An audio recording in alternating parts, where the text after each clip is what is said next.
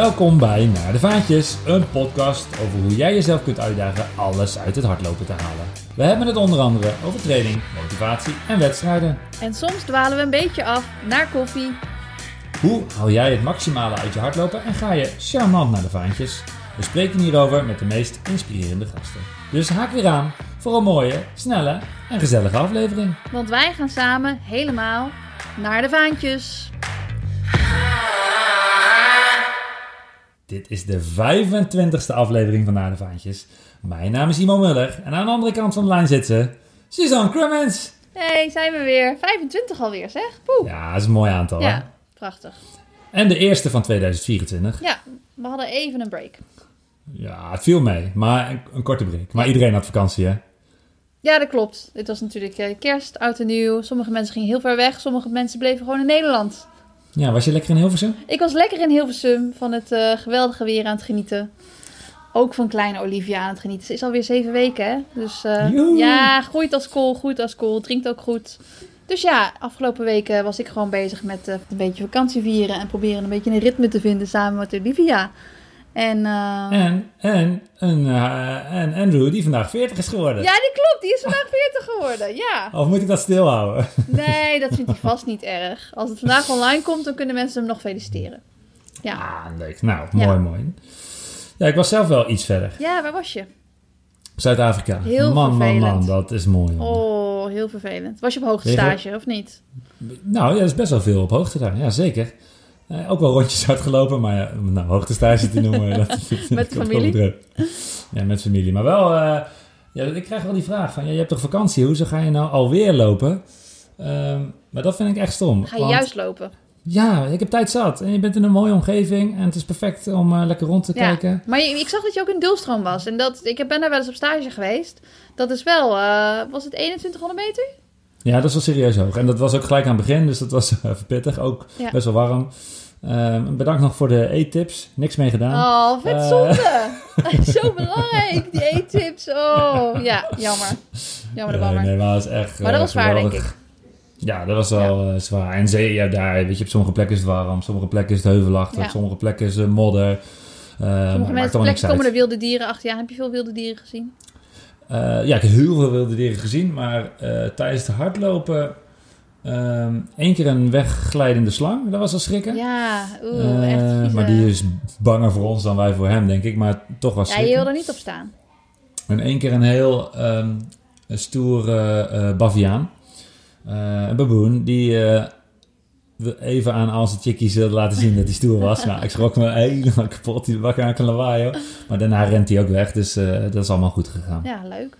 Ja, nee, dat was heel leuk. Ja, ja. Hey, en we hebben vandaag eh, onze vrienden van de Pacer op bezoek. Erik en Pim, die, eh, die zijn er. En Ja. eh, daar gaan we zo ja, het jaar eens eventjes doornemen. Vooruitkijken naar 2024. Ehm, en halverwege hebben we ook nog een mooi naar de vaantjes verhaal. Dus die wil ik dan ook nog eventjes erin gooien. En ehm, ben benieuwd.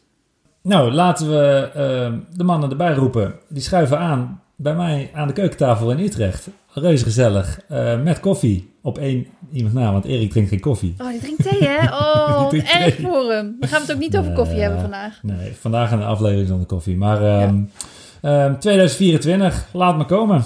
Let's go. Zo, daar zit ik dan aan mijn eigen keukentafel. Uiteraard met Suzanne, maar ook met de makers van de Pacer. Pim, Erik, welkom in Utrecht. Dankjewel. Ja, we hebben het, eh, we hebben de parkeerplaats gevonden. Ja, midden in het centrum. Een keer een andere stad dan Rotterdam, hè? Is mijn, eh, ik zeg nou, het is eh, mijn studentenstad. Dus, eh, ja, wat zal het zijn? Ik werk nu 12 jaar bij het AD. Toen ben ik afgestudeerd. Dus de 16 jaar geleden en 12 jaar geleden, toen, eh, toen pakte ik de trein en de bus naar de Padualaan eh om eh, de school voor journalistiek te bezoeken. Maar echt wonen heb je hier nooit gedaan, hè? Nee, nee, nee. Mijn, mijn plan in jaar 1 was hier op kamers. Toen keek ik eens goed om me heen in Utrecht. En toen, eh, toen heb ik met mijn twee Rotterdamse vrienden afgesproken om lekker in Rotterdam te gaan wonen. Kijk, daar zullen we er verder niet over doorvragen. Maar heeft- het is oprecht wel echt een leuke stad. Alleen, eh, ja, ik heb een basis. Ja, dat is helder. Hey, eh, we gaan vandaag vooruitkijken naar 2024. Ehm, ik ga dat proberen te structureren aan, aan, aan de hand van een aantal onderwerpen. Ik heb al moeite om alleen Suzanne eh, in de structuur te houden, dus dat wordt een klus vandaag. Ik heb nog niks gedaan, toch? Eh, we hebben ook een heleboel leuke vragen van luisteraars gekregen, dus die proberen we er ook doorheen te mixen. Ehm, ja, laten we maar beginnen over 2024. Die is begonnen best wel koud eh, en er ligt zelfs nog een beetje sneeuw. Loop je dan minder, Pim? Nou, ik heb, ik heb vorige week één dag gehad dat ik oprecht gewoon niet naar buiten ben gegaan vanwege de kou. Dus ik hou er, wel, ik hou er echt niet van. Maar ik loop niet minder. Maar dat komt omdat ik nu een doel heb. Als ik nu niet op weg was naar die marathon in april, dan was de afgelopen weken echt. eh, Wel- welke? welke ja, Rotterdam toevallig ook. maar is toeval hoor. Maar nee, dan, dan, dan is dit zo'n periode dat ik denk, eh, vandaag even niet. Ik, eh, ik hou er meer van om met mijn blote bast over de baan te lopen dan, dan 's winters. En ik had vorige, vo- vorige zondag, dat is de, de halve van Egmond. En dan lig ik, ik kreeg al koud. door de- dan lig ik op de bank. ja, ik lag op de bank en ik kreeg, er al, ik kreeg het al eh, de bibbers van, weet je wel. En toen moest ik daarna nog mijn duurloop van twee uur gaan doen. En toen heb ik in de laatste half uur begonnen te regenen. Ja. En to- toen droogde het op. Maar dan krijg je daarna, na die bui, krijg je het nog kouder. Want er staat gewoon de winter op. Mm. En toen, toen heeft het echt even lang geduurd voordat ik weer, eh, weer warm was, ja. Maar je zegt, eh, ik, eh, vorige week eh, had je, een week dat je een dag dat je niet ging lopen. Maar verder liep je dus iedere dag. Iedere dag. Oh, ja, dat ja, is ja. toch best netjes Zeker, januari. zeker, zeker. Maar ik, dus ik merk het wel altijd hoor. Dat, dat, dit is de periode, weet je wel, lange donkere dagen. Ehm, koud, Hmm. veel wind, veel regen. Dan voelt dat lopen meer als discipline die je moet opbrengen. En in de zomer gaat het bij mij vanzelf. Maar hoe dat voor jullie is. kou- kouder kun je je wel een soort van opkleden. Ik, ik mag eigenlijk niks zeggen, want ik, ik train nu op de Elliptico op een balkon. Dus ik ben helemaal niet echt niet buiten. Dus, eh, maar in principe kun je je natuurlijk wel een beetje opkleden. Heb je dan niet speciale kledingstukken die je in de winter dan aandoet als het heel koud is? Je, je kunt je erop kleden, maar ik sta bekend omdat ik altijd precies de verkeerde keuzes eh maak. Toch altijd een korte broek. Singlet. Ja, Te, war- te warm als het niet koud is. Altijd een laagje te veel of een laagje Ja, te, te weinig. Nooit, Oh. nooit perfect. eh, Ja. Ja? ja. Oh, ja, dat is ook jammer. Dat je dan eh kaart gaat zweten. Maar ja, het laagjes kun je ook weer uittrekken. Ja, zo is het. Ja. Het, is, het kost maar mee. Ik weet niet hoe het voor jullie eh, Ik heb er nog een blijvende kromme pink aan overgehouden aan die kou, weet je nog? Dat, eh, ik heb een keer een, een, een loopje met Pim even gedaan zo. En ik dacht even een klein stukje af te snijden. Over een stukje waar normaal gesproken... Fonteintje. Een fonteintje is, hè? Ik dacht van, nou, weet je, ik snij hem even af. Even geen erg in gehad dat, eh dat fonteintje, wat er toen lag, dat ijs in lag. Dus maakte echt een enorme klapper, maakte ik. Schoof zo mijn standbeen schoven zo onderuit. En ik had echt zoiets, ah, ik echt heel erg zeer. Nou, je kan het zien. Kijk. Oh, wauw. Ik denk dat mijn pink gebroken is geweest, zonder dat ik dacht dat hij gebroken was. Daar kwam ik pas een tijdje later achter dat ik hem niet meer recht kreeg. Dus Maar was echt zo, uiteindelijk is dit wel een soort van blijvende, blijvende herinnering aan een loopje in de, ja, loop nou ja, in de aan Pim. kou. En een loopje, een loopje in de, in de vrieskou op dat moment. Op het, dacht- op het dakpark was het. ja, ja, ik dacht toen echt nog een tien voor de landing. En ik dacht, dat valt wel mee. Ja. Tien minuten later stond ik nog steeds naast jou. Was je een beetje dizzy en op een bankje aan het uitpuffen. Ja. Het was niet, echt, de eh, was niet echt lekker. Ja, het was Ja. een beetje de adrenaline. Wel doorgelopen, maar ik voelde het zat niet helemaal lekker. Ja. Even naar het ziekenhuis gaan had wel handig geweest, denk ik. Hadden ze hem rechtgezet en dan was het goed geweest. Ja. Maar verse sneeuw is weer niet gevaarlijk volgens Ja, mij. maar dat, dat, dat, is is het, dat is het ja. mooiste loopje wat er is. Ja. Verse sneeuw is altijd zoiets, of het nou vroeg of laat is, dan, dan, dan moet je gaan lopen, vind ik. Wij zeggen altijd, Kralingse Bos moet je dan in, s'avonds. Want als het gesneeuwd heeft, dan maakt het niet uit of het donker is. Dat ligt altijd op. En dat is echt het mooiste loopje per jaar wat je maar kunt krijgen. Als er Ja, maar verse sneeuw ligt. lekker? Ja, Als je het is zelf de eerste voetstap zet in de Ja. Ja, dat is mooi. dat is mooi. Maar, Maar daarna wordt het gevaarlijk. ja, ja, daarna wordt het gevaar. slushpuppy Ja, of- ja, of ja. stekglad. Heb je Ja. vanochtend gelopen? Hebben jullie vanochtend Wij hebben gelopen? vanochtend gelopen, ja. Samen. Acht uur. Afspraak eh, voor aan de Maastunnel en we stonden er. En met die valpartij van jou twee, weken, twee jaar geleden in gedachten... waren we elkaar heel de tijd aan het waarschuwen. We waren, Pas op, glad. we waren voorzichtig, hè? Zo, we zijn... Over de Erasmusbrug, eventjes links, even rechts, komt een beetje ijs daar naar beneden. We hebben zelfs gewandeld en even een reling vastgehouden. Ja. Ja. Ja, Maar dat Maar is je- denk ik wel de, de, het, ga- het, ja, de, de truc, zeg maar. Tenminste, als het slecht weer is of koud, afspreken met iemand. Tenminste, Ja. anders ga ik Ja. een stuk minder snel of korter. zeker. Ja, maar zeker. tempo aanpassen lijkt me wel slim op zich. Dat Tempo lijkt me niet... aanpassen eh, ja. Ja. Maar weet je, we hebben nu over kou. Ja. Maar wat, wat is beter? We hebben de dagen die we nu gehad hebben, of die weken daarvoor, dat het gewoon stormde en regende echt iedere dag, waar je ook echt helemaal doodziek van werd, toch? Ja, Tenminste, dat is iedere dag haarwasdag. Hè? Dat is jezus. Ja, ja, ja, ja, ja, Dan moet alleen als Jij het regent jij hebt ook best lang haar. Heb je het weer ook niet vervelend? Ja, maar ik laat mijn wasbeurten niet afhangen van het weer. Nee. Echt serieus, meen je dat? Als, nou ja, tenminste, nu, nu train ik dus binnen. Maar als ik buiten train en als ik dan zie dat het, dat het gaat regenen, dan de volgende dag, dan ga ik op een bepaalde dag ga ik dan niet mijn haar wassen. Dan wacht ik even totdat ik in de regen heb gelopen. Zonde. Oh nee, zo denk Moet je ik het weer niet. Ik denk dat, zeker dat alle, alle vrouwen die nu luisteren, die kunnen zich ja, maar die drie man aan tafel hier Ja, denken ja. daar heel anders over Ik volgens mij. dat jij een keer vertelde in de podcast. Oh, wat een- wat een verhaal. Had je, had je Londen marathon gehaast. En toen had je, ging jij tien minuten vertellen over dat je je haar verkeerd had gedaan. Want kwamen dan met dit weer allemaal klitten. En ik denk, dit gaat nergens. En toen kregen we allemaal reacties. Ja, dat is heel herkenbaar. Ja. heel herkenbaar. ja, dan moet je echt eh, conditioner in je haar doen voordat je gaat lopen en dan gebeurt het niet. En anders ja, dan moet je soms gewoon je staart afknippen. Daarom is mijn haar niet zo kort. Dus, eh, nee. Oh. hey, maar eh, winterweer, de winterklassieke Egmond, je zei het al even. Eerste Nederlandse winnaar, mannelijke winnaar Ja. sinds, poeh, wat was het, 2006? Ja. Greg van Hest, Ja, denk ik, hè? Nee, nee, nee. Camille Maassen. Oh, Camille Maassen. ja. Camille Maassen natuurlijk. Ja. mooi. Ja, dit was, eh, ik heb eh, ook vanaf, vanaf het bankje gekeken. ik was ook net terug in Nederland, eh, in Zuid-Afrika geweest. Dus qua temperatuurverschil was het ook wel pittig. Dus lekker vanaf het bankje. Maar nou, hoe dichter de finish bij kwam, dacht ik, het, gaat het gewoon doen. En ook een relatief onbekende die iedereen op een hoop loopt. Nou, ik, ik had het vanmorgen met jou even over. Van, ik zeg, zeg het maar eventjes, wie, wie is het en wat doet hij allemaal? we weten dat hij, dat hij Soest goed gelopen heeft.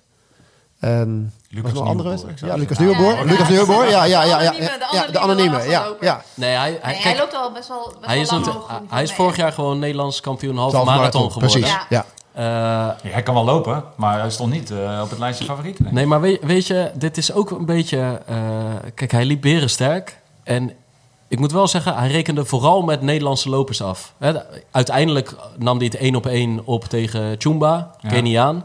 Maar het was niet dat de kopgroep van tien uit eh, heel veel buitenlanders bestond. Was Tom Hendriksen, eh Stan Nieste, eh Galicia Koet zat er, eh, zat er op het strand nog bij. Dus het was geen zwaar internationaal sterk bezet veld. Maar, maar even los daarvan, hij liep zo verschrikkelijk goed. Want ook op het strand was hij met name de man die er al echt aan het trekken hij was. 90% van het kop weg. Precies. Ja, hem alleen maar op kop. Ja. En ik vond ook de manier waarop hij, waarop hij wegliep. Het was ook niet gewoon één versnelling. Het was, hij trok gewoon heel hard. eh, heeft ze gewoon continu door. gelopen. Hij is echt stuk gelopen allemaal. Dat Hij was het ook. Weet je, normaal zien we wel eens dat echt een versnelling is. Maar hij, hij bleef gewoon heel langzaam bijvoorbeeld maar opvoeren, opvoeren. Het tempo heel hard en hoog houden. Hij kon, die jongen kon gewoon niet meer volgen op een gegeven moment. Ook mooi. eh, volgens mij heeft hij de forsing gevoerd op de bloedweg. Ja, Ja, oh ja, is iedereen heeft over de bloedweg. Ja, Ja, dat wel dat goede, is toch goed? Ja, goede Staat deze nog op je lijstjes is? Ja, het staat wel op het lijstje. En ik dacht, eh, normaal zat ik natuurlijk altijd in Australië en dan is het lekker warm daar. En dan zie ik ze in Egmond bezig en denk ik, hé, Getser, dat ziet er vies uit. En nu was ik in Nederland en dacht ik, oh, vind ik toch echt wel balen dat ik nu niet mee kan doen. Dat is wel, eh, Ja. ik vind het ziet er zo heroïs uit, weet je, zo over het strand. En, en ook dat het zeg maar tactisch heel anders kan zijn of je wind tegen of wind mee hebt op het strand. En dat je dan ziet dat de groep langer bij elkaar blijft bijvoorbeeld. Ja. Ik vind dat wel mooi. Dat er dan een Nederlander wint, ja, dat is natuurlijk, dan denk je van, oh ja, nou als een Nederlander daar kan winnen, dan is Maar het ik heb zoiets, draai hem weer om. Finish nou gewoon weer een keertje over dat strand in plaats van andersom. vroeger, Ja, Oh, was het toen om het jaar nee, altijd. Oh, altijd, altijd. altijd finish, laatste zeven kilometer over het strand. Er zijn toch te Ja. veel deelnemers? Ik denk dat het aantal deelnemers, ik al, denk dat het aantal deelnemers het probleem is. Maar dat was echt heroïs. Weet je wel? Dan moest je de laatste zeven kilometer kwam je het strand op. Ja. Dan zeven kilometer over het strand vaak, als het echt koud was, tegen de wind in. En dan het laatste stukje die strandopgang. En dan nog maar 300 meter naar de finish toe. Ja, mooi. Ja. Dat was echt zo'n mooie strijd Nou, altijd. oproepje aan de organisatie, gooi hem weer eens in ieder geval één keertje om. Ja, gooi hem een keer, gooi hem een keer om. Weet je, dat, ja, doe eens gek. Ja, ja. dat is wel mooi wat jij zegt. Want jij zegt, ah, het is heroïs, het is mooi op het Ja. strand. Maar je hebt, zeg maar, nou ja, over, eh, over Rotterdam Marathon of Zevenheuvel Ja. of CPC's. Iedereen die wil dat wel een keer doen. Maar over Egmond heb je echt lovers en haters. Sommigen die zeggen, nee, mij niet gezien. No- daar, kom, daar kom ik echt nooit. Ja, maar dat dacht ik ook ieder jaar. Maar dit jaar was het voor het eerst dat ik dacht van... nou, dit is, eigenlijk is het wel mooi. Toch Ik vond- season, hè? Ja, misschien is het ook wel omdat ik hier ben en denk... Ja, die kou, het valt eigenlijk ook allemaal mee. Kun je je ook kleden, toch? Ja, ja, Ja. Maar, maar ik heb ook wel het idee, bijvoorbeeld eh Jill Holteman, die bij de vrouwen echt verschrikkelijk eh, goed liep. Eh, die komt uit, de, uit die omgeving. En vroeger natuurlijk Butter en nu Staniste en zo. Dat zijn jongens van eh, Scheur, jongens van Noord-Holland. Die vaak in Castricum, Egmond trainen. Die, die trainen niet vaak over dat strand. Want je kiest toch vaak voor de bospaden, het asfalt, eh, de baan. En niet voor het mulle zand. Maar die ene dag in januari, dan is het voor hun wel echt rood omcirkeld. Maar dus het is inderdaad, sommigen voelen echt die liefde. Ja. En dat ze gewoon in het najaar al aan Egmond gaan denken. En heel veel mensen die gewoon met hun voorbereiding bezig zijn, die denken, ja, heb geen zin om 10 kilometer over het strand te gaan lopen. Nou, Ja. en, en veel atleten zijn in deze periode natuurlijk ook op trainingsstage. En, en heel veel atleten die Ja. gaan zeg maar meteen na de kerst bijvoorbeeld weg. En dan blijven ze na een- een maand weg, ergens in de warmte of op hoogte. Ja, Eh, dus dan is het lastig om het in de planning te zetten. Ja. Maar ja, om het een keertje... Voor iedereen zou het eigenlijk wel eh, verplicht moeten zijn om die een keer te doen, denk ik. Ja. Ik denk dat het wel een, eh, een mooie reden Ja, vind ik wel. Weet je, het gaat, het gaat gewoon in eerste instantie eigenlijk helemaal niet zozeer over tijd. Het is gewoon echt een strijd tegen elementen. ja al wel bijna iedereen een PR liep nu. Ja, ja als je het eh, als als je als je, als je tekort maakt, dan wordt het Ja. wat lastiger. Ja. En, ja, en gewoon even een hard strand. Daar hoor en ik heel veel mensen over. Ja, Ja, En- mee op het strand. Ja, win mee op het strand. Ja, ja, daarom moet je de zon lopen als het koud is. Maar het is ook nog die, over eh, Lucas Nieuwboer, we noemen hem zeg maar anoniem. Maar het, zit, het is best wel tekenend voor zeg maar eh, topsport anno nu. Je hebt gewoon je hebt zo- een soort van schifting tussen eh, mensen die ook influencer zijn. Ja. En mensen die gewoon super fanatiek aan het trainen zijn. En sommigen doen het allebei. Sommigen hellen de ene kant op. En, en, en Lucas is volgens mij zo'n type die gewoon... eh, eh, ja, hij heeft wel Instagram en hij heeft Strava. Ja, maar hij En werkt hij- ook en heeft het druk. Dus ik Ja, kan me precies. voorstellen dat hij denkt van... Nou, ik heb daar eigenlijk niet zoveel tijd voor. En Dus ik, en is, ik eh, raad nu iedereen aan. Hij heeft echt een, op Instagram een verslag eh, de, de dag erna getikt... over hoe hij die wedstrijd heeft beleefd. Eh, maar hij pla- plaatst ook wel eens gewoon een hele tijd niks. Ja. Ja, dan, dan wordt je naam gewoon minder bekend. Maar dat maakt je natuurlijk geen Ja, dat was eh, mooi, die- mindere loper. Die commentator van, eh, of verslaggever van, ik denk, eh, eh, Het weer Noord? Of wat is ja, het? zoiets. hè? eh, eh, die vroeg van, hey, wel een verrassing eh, eh, dat je vandaag wint. Ja, nou ja, ja, ik zit er altijd wel bij. Ja. En nu zit ik er een keer net voor. ja, hij, was, hij was wel heel blij hoor, maar Ja. het is wel... eh, ja, ik vond het wel heel, ik vond het wel echt heel overtuigend in ieder geval. Ja, dus, ja, eh, en, en, en Egmond winnen en op je naam hebben staan, dat, eh, ja, dat mag er wel zijn, toch? Ja. Dat is, dat is een grote, grote wedstrijd. Die nemen ze je niet meer af. Nee. Hey, we gaan even een bruggetje maken naar uh, nou ja, één van de mooiste marathons. Uh, een vraag die vaak binnenkwam. uh, onder andere van Bernard Poel. En die ga ik eerst even aan jou vragen, Erik. Ja. Dus over Amsterdam. Gaat Dit, toch? over Zeeland. Maar begrijpen we elkaar niet helemaal goed. Komt het wereldrecord terug in Rotterdam? Nou, het wordt wel tijd, zeg maar. Het wordt wel tijd. En als, als er een, een mogelijkheid is en een kans is, dan is het dit jaar wel. Hè, alleen, ik denk dat... Ik denk dat Bernard wil gewoon even ja of nee horen, Erik. Ja. Ja, nou ja, goed. eh, eh, ik denk dat de kans groot is als de weersomstandigheden eh, meezitten. En ehm uh, Kiptoen loopt eh, niet in de blessures in de voorbereiding. Dan is het, is het een hele serieuze kans dat het wereldrecord gebroken kan worden. Ja, zeker. Ja. Ja. En dan is, het, dan is het niet een normaal wereldrecord. Want de kans dat hij de twee uur breekt is wel heel erg groot dan. Want dat, eh, daar zit je dan wel heel dicht tegenaan. En ehm, ja, dan, dan schrijf je echt geschiedenis. Die, Ja. die nemen ze je nooit meer af. Dit is als, als, eh, als de eerste keer onder de 10 seconden op de 100 meter. Ja. ja. Toch? Dat, zo, zo, zo, zie ik dat, eh, zo zie ik dat wel. Alleen ja, het is gewoon. De omstandigheden zullen, zullen mede bepalend zijn. Natuurlijk moet de atleet goed zijn, de organisatie moet goed zijn. Het enige wat je niet in de hand hebt, is zijn de weersomstandigheden. En daar, daar is in Rotterdam altijd wel een, een, issue ten opzichte van Berlijn. Weet je, wij, wij zitten in een zeeklimaat en Berlijn is een landklimaat waar eigenlijk weinig of nooit geen wind staat. In Rotterdam moet je daar een beetje geluk mee hebben. Maar als er die dag weinig wind is, dan, uh, en, en we hebben een goede kiptoem aan de start staan, dan is er een serieuze kans, ja. ja. Hey, en de vragen die ook binnenkomen, en dat, uh, uh, jullie hebben dat sowieso al een keer in de podcast besproken over eventuele aanpassingen in het parcours. En dan zoek ik even de vraagsteller op. Uh, je buren, heet dus Instagram-account. Gaat het parcours aangepast worden? Want dat werd door de organisatie gezegd van we gaan er alles aan doen om Kiptoon zo sneller dan ooit te laten lopen. En als we daar parcours aanpassingen voor moeten doen, en dan denk ik vooral... Dus minder bocht of zo? Of wat? Ja, een bruggetje minder misschien. Of start ja, brug, heb ik ook wel kan, ik, kan, ik kan er eigenlijk niet zo heel veel over zeggen. Het parcours is gewoon snel.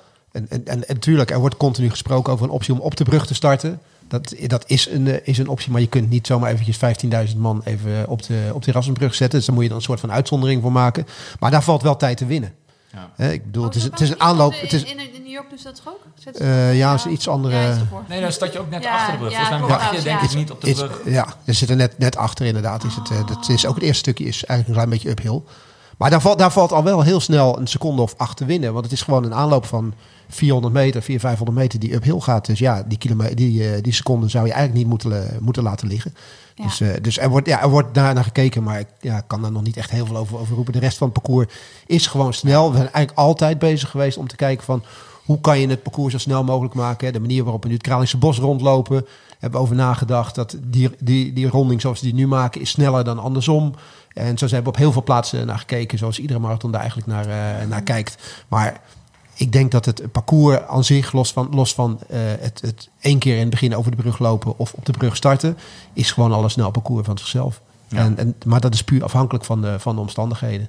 Want er zitten ja, zoveel, uh, Pim, jij weet het zelf ook wel, zoveel echte bochten zitten er niet in. Het is, het is de, de haarspelden die erin zitten, probeer je echt zo wijd mogelijk te maken, zo goed mogelijk te maken. Dus ik denk dat, uh, dat het wel waardig is. En dat heeft het ook wel bewezen. Ik bedoel, er zijn atleten. Uh, als kijk naar Paschier, heeft 203 gelopen in, uh, in, in Rotterdam. Ja, die heeft niet het, het, het, is een Europees record, maar die heeft dan nu niet het, heeft niet het niveau die Kiptoom heeft. Maar dat is, dat is echt al heel erg snel ook. Ja, ja, ja. Dat er gelopen wordt. Dus het, het is al wel een, een, bewezen snel parcours. Het is niet voor niks een Europees record al gelopen ook.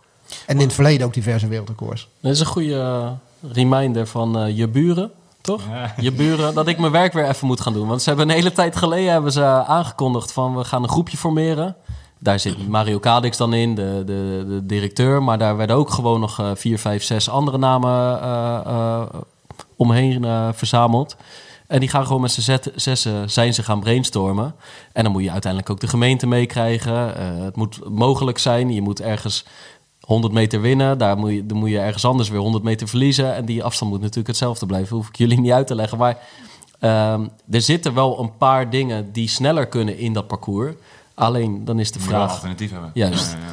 Alleen dus, ik ga, ik ga, dat is een goeie. Ik ga straks na deze podcast op de terugweg weer wat mensen bellen en kijken of we wat los kunnen Als er iets peuteren. uitkomt, dan eh, komt het in de show dan, horen jullie het. Zeker. Hey, en eh, Pim, jij loopt zelf eh, ook Rotterdam. Ehm, daar is het natuurlijk al vaker over gegaan. Maar waarom dan toch weer Rotterdam? Want je zou ook kunnen kiezen, ik doe een andere en ik, en ik ga eens lekker kijken. hey, dit is goed. Hey, er komt hier... eh, kijk, het is één iemand die echt aan het lopen is. Ja, Ja. een hardlopen over de vloer. Niet onbelangrijk. Wat voor rondje heb je gelopen? mooi rondje. Een mooi rondje. Dus, maar ik zit een beetje in de doe maar wat fase, dus eh, ik zal niet vertellen hoe de training Doe maar wat fase. Doe maar wat Mooi. fase. is ook wel lekker, hè? Ja. Goeie fase. Kijk, dus hij heeft wel de Aeroloft eh, jacket aan. Hè? Dat, is, dat is dus zoiets wat je in de winter nodig hebt. Heb je dat niet? Nee, Een lekkere bodywarmer. nee. heb je geen bodywarmer? Ik zal, ik zal Erik een keer Kijk, dat is, iets voor- dat is goed voor mensen die niet weten wat je aan moet doen. Want de bodywarmer, dat is, dat is net altijd ertussenin. Dat tussen warm en koud. Ja, maar dan blijf je nog, die armen blijven nog koud. Daarom. Maar goed, sorry. Ga verder.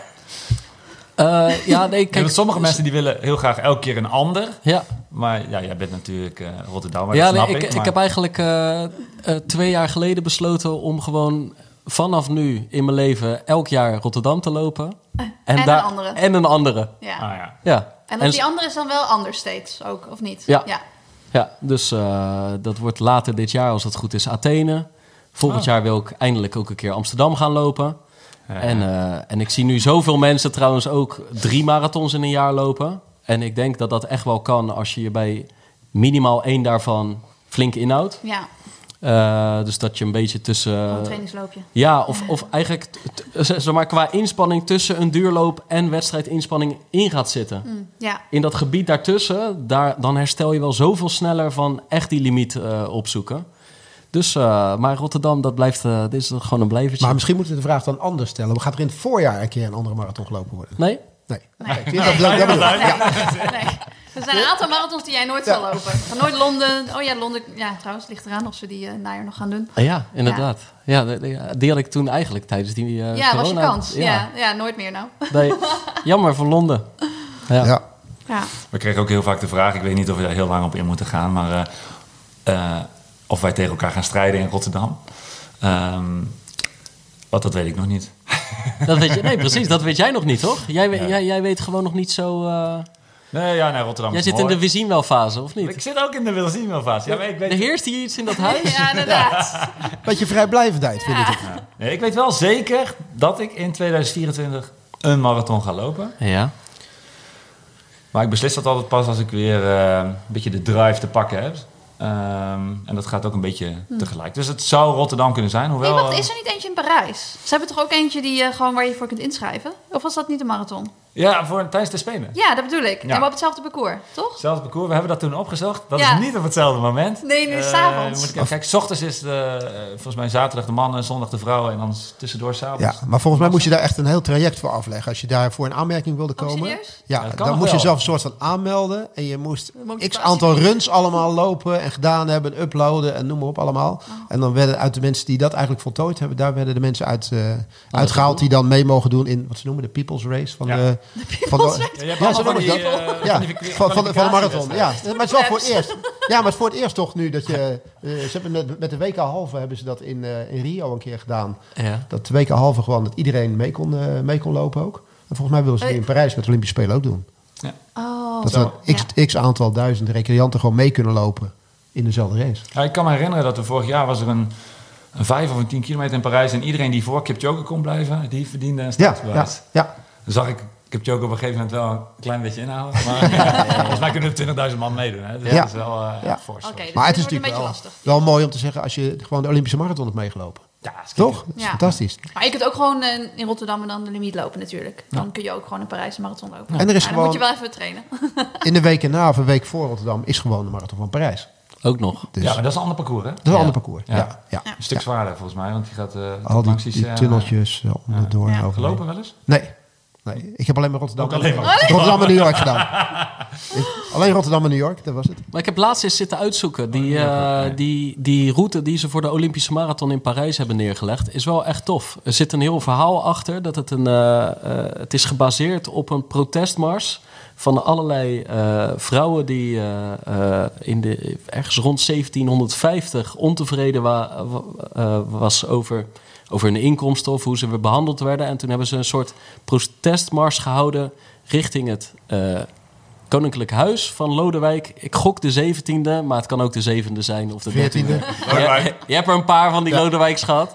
Maar eh, daar is het op gebaseerd. Maar dat, en, en dan hebben ze ook nog, tikken ze uiteraard alle... Ze tikken Versailles aan, eh, Eiffeltoren. Dus waarschijnlijk heel veel bochten. als neutrale kijker zie je ook gewoon de mooie Ja, plaatjes. en wat, van- wat meer rondes, dat vind ik zelf altijd leuk. En heuvels, het, hè? is- het is toch Ja. point-to-point, of niet? Is het niet? Is het niet gewoon één lange... Goed, ik weet niet of het meerdere rondes zijn. of Ja, ik heb me helemaal in die protestmars Jij zit dan ingelezen. Ja. in. Jij bent toch de alternatief verslaggever? Ik heb nog even om voor te bereiden. Oh, oké, Ja. oké. Hey, om nog eventjes, Ik eh, weet wel trouwens, oh, Imo, als het tot een onderlinge strijd komt... Oh, hè, mocht jij van de We zien wel fase toch even weer het licht eh, zien de komende tijd... Ik weet wel, vorig jaar was, eh, hadden we contact de week, van, eh, de week van de marathon. En toen zei hij, waar ga jij op weg? Waar ga jij op weg? Toen stonden we allebei aan de start. En toen zei ik, hij gaat toch op 2-3, 2-24 weg. Ah, toen zei Imo, oh nee, dat is te hard. Maar dan, eh, dan zie ik je later wel. Volgens mij staat het 1-1. Volgens Ja, mij ja. afgelopen jaar heb jij van mij gewonnen. Hij zei van, dat dat is te hard, maar dan raap ik je wel op eh, na de 30. Ja, dus hij- is niet meer gebeurd. Nooit hè? meer gezien. Nee. Nooit meer gezien. Hey, even om nog een klein beetje tegengas te geven aan Rotterdam. Eh. Als je stel, hè, jij loopt ooit een marathon. In. Rotterdam natuurlijk. Ja. Ja. En het mag Maar niet anders. Rotterdam zijn. Welke staat dan op je lijstje? Want Egmond stond al op je lijstje. Oeh, welke staat? Ja, weet je. Of heb jij dat niet? Nou, niet echt, denk ik. Ik denk dat we al, alle grote stadsmarathons, dat lijkt me wel mooi. Ik ben natuurlijk in Berlijn geweest toen Endo daar liep. Toen heb ik daar aangemoedigd. Dat vond ik erg leuk. Goede sfeer ook. Ja. Maar New York is ook mooi, hè? Dus ja. En dan Nederland is ook mooi. Maar ja, uiteindelijk kom je toch altijd uit Maar op je kunt er Rotterdam. drie per jaar ja, doen, al dus, Rotterdam. Ik denk Maar, ook- maar, maar sta je dan nog met een beetje ambitie aan de start eh, als je een marathon wil gaan lopen? Oeh, dat ligt er helemaal aan hoe het lichaam herstelt. Maar ik denk dat als ik een goede voorbereiding heb, dat het wel zo is, ja. Ik zou wel een harde marathon willen lopen. Oké. Ja. En ik heb jou toen eh, bij Londen een keer zien hazen. ja Ik dat denk is ook tot halfweg. Ja, ja. En- Prachtig was Was dat. die editie niet dat de haar zo in de klit zat? Ja. Had, je, had dat gezien? Nee, ik, ik, ik, ik, ik, Ja, maar ik dat was zat toen wel naar, zonder publiek en dat was al mooi. ik zat naar een marathon te kijken, maar ik was alleen maar aan het denken over hoe gaat ze haar haar wassen, wanneer gaat ze haar haar wassen. Het kan niet goed zijn voor je haar. Gewoon. En, ze heel- dit ooit en, en heel af en toe dacht ik, wat is er met Kipchoge aan de hand? Of Ja, gaan ze de. Olympische limiet halen? Maar, die had eh, van zijn oor of zo. Dat was ook, ja. Dat het was een rare water in zijn oor, denk ik. Shampoo, denk ik. Ja, Ja. dat waren allemaal hele rare de verhalen. Maar to- toen dacht ik wel, oké, dit is de opstap naar een eh, marathon van de baanatleet. Ja, maar toen had, ik nog, ja, toen had ik nog even druk met de baan. Ja. Ja, ja toen En, had ik nog eh, even druk met de baby. Dus dat toen kwam er wat tussen. Ja, Maar de weg is nu langzamerhand vrij. Ja, nou, ik heb wel zoiets. Kijk, ik wil weer gaan, natuurlijk weer gaan opbouwen met lopen. Ik loop nog niet en ik moet ook daar verstandig mee zijn dat ik niet te snel opbouw. Maar dan uiteindelijk zal ik op de weg gaan lopen, niet op de baan. Dat heb ik al gezegd. Nou, en als je op de weg gaat lopen, ja, dan is de marathon natuurlijk wel een afstand die je Ja. gelopen moet hebben. Dus, nou ja, dat is wel. eh, Er zijn heb- wel wat goede voorbeelden hoor. Ja, daarom. En in- in mijn, in mijn eigen Australische trainingsgroep ook zijn veel van die meiden ook van de baan uiteindelijk inderdaad na een baby eh, richting de weg gegaan en lopen op de marathon gewoon toptijden, weet je. En er sneller uit 2:23. voortgekomen. Ja. Ja, dus eh, nou ja, beste versie van zichzelf, zeg maar. Dus het is zeker niet onmogelijk, maar ik kan wel tegen mezelf zeggen van ik wil dit en dit allemaal doen en ik wil zo hard lopen, maar je moet gewoon kijken wat je lichaam aan kan. Want, Ja, hoe, dus dat want is, eh, eh, Olivia die is nu eh, zeven weken. Zeven Dus weken, nog dat is een beetje vroeg. Maar hoe gaat het? Denk je dan alweer? Ja, je denkt Ja, het, wel, maar wat het- doe je al? Wat, eh, Ja, ik ben super ongeduldig natuurlijk. Want het, het was ook zo, na vier weken... eh, ik, ik, had, ik was al bij een bekkenfysio in behandeling tijdens de zwangerschap. Dus ik zei van, nou, ja, dan maak ik een afspraak daarna. En zei ze, ja, dan moet je na zoveel weken pas een afspraak maken. En toen, na vier weken, zei ik van, kan ik al langskomen? En toen zei ze, ja, het is nog super vroeg. Je bent gewoon nog niet hersteld. Ik kan je gewoon nog niks vertellen. Ik zei, ja, maar misschien kunnen we toch alvast even kijken van of het, of het een beetje goed Ja. verloopt. Ehm, dus ja, ik merk wel dat ik, dat ik wil dat alles sneller gaat. Maar het gaat goed. Dus, Ja. en ik, en- maar ik loop nog niet natuurlijk. Ik doe alleen maar mijn elliptigo. Elliptigo en wandelen, dat wissel ik een beetje af. En mijn krachttraining. En wel langzaamaan een beetje begonnen met sprongen. Maar het moet gewoon super langzaam. Het is net zoals terugkomen van de blessure. Alleen je moet echt gewoon zo goed naar je lichaam luisteren. Want anders dan heb je een setback. En maar dan moet je dan straks ook beginnen zeg maar, met een minuutje hardlopen, een minuutje wandelen, een minuutje... Dat ga ik denk ik wel doen. Ja. Ja, ik zat al te denken van, zal ik, zal ik de, zal ik de AlterG inzetten? Want daar was ik altijd erg fan van. Want dan, dan heb je dus ook minder impact natuurlijk. Ehm, of ga ik het gewoon buiten doen? Maar buiten is natuurlijk wel leuker. Ehm, maar ja, ik weet natuurlijk hoe ik moet terugkomen van een, van een blessure. En dit moet ik maar gewoon een soort van behandelen als een blessure. Ja, maar dan deze keer zonder eh, deadline. Dat is ook wel lekker. Precies. En ik denk ook als je jezelf een deadline gaat stellen, dat het heel gevaarlijk wordt. Je, je ziet wel vaker eh, vrouwen die heel snel terugkomen na een zwangerschap. En die zeggen van, oh, het gaat al meteen goed. Na drie maanden mag ik lopen, dus dan ga ik ook meteen lopen. Ja. Weet je wel, die zich echt vasthouden aan een of ander programma. Eh, en die misschien wel heel succesvol één wedstrijd lopen. Of, of zeg maar een goede opbouw hebben en een prestatie neerzetten. En vervolgens jarenlang eh, kwakkelen, blessures. En Ja. dat er heel veel dingen gewoon misgaan. Stressfracturen. Want in je lichaam verandert er gewoon heel veel. Dus ik denk dat je dat wel echt de tijd moet geven. En als je, gaat, nou ja, als je dat gaat overhaasten, dat dat in de longterm echt wel, nou ja, slecht kan uitpakken. En Ja. dat wil ik niet. Ik wil wel gewoon een robuust lichaam hebben, zodat ik ook kan genieten van het lopen. Want ik heb lang genoeg, zeg maar, met, met Achillespeesblessures en, nou ja, altijd met pijn gelopen. Dus nu wordt het even tijd om eventjes eh, met een gezond lichaam te lopen. En hoe ziet de carrière er dan uit, dadelijk, in de combinatie met werk en lopen?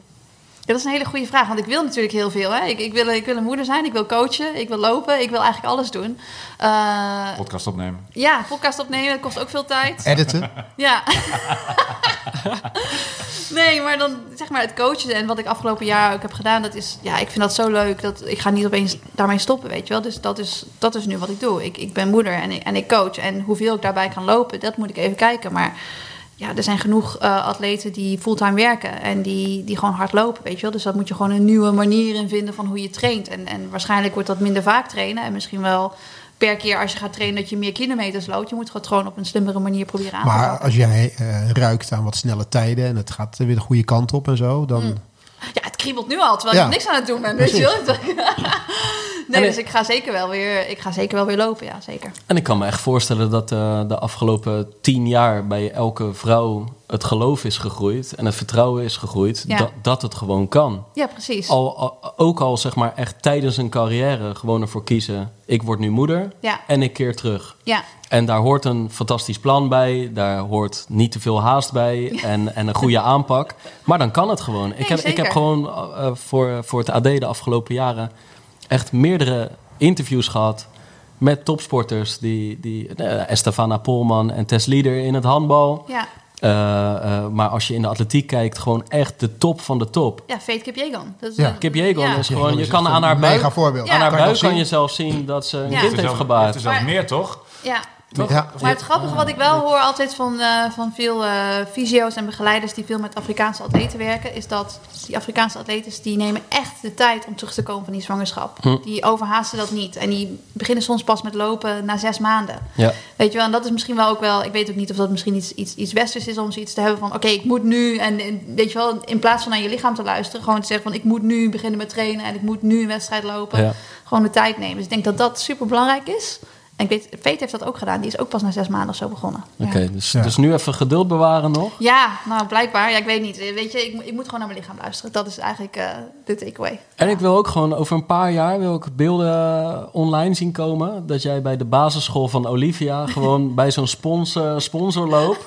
Gewoon iedereen gewoon helemaal zoek loopt. Zoals Shelly Shelly en Fraser. Price in Jamaica. Heb je gezien, hè? Over een grasveld. Die deed even bij de vader en moeder eh, sportdag op school deze Ze wou niet meedoen, maar er was iemand uitgevallen. Zij zei, Ja. oké, Oké.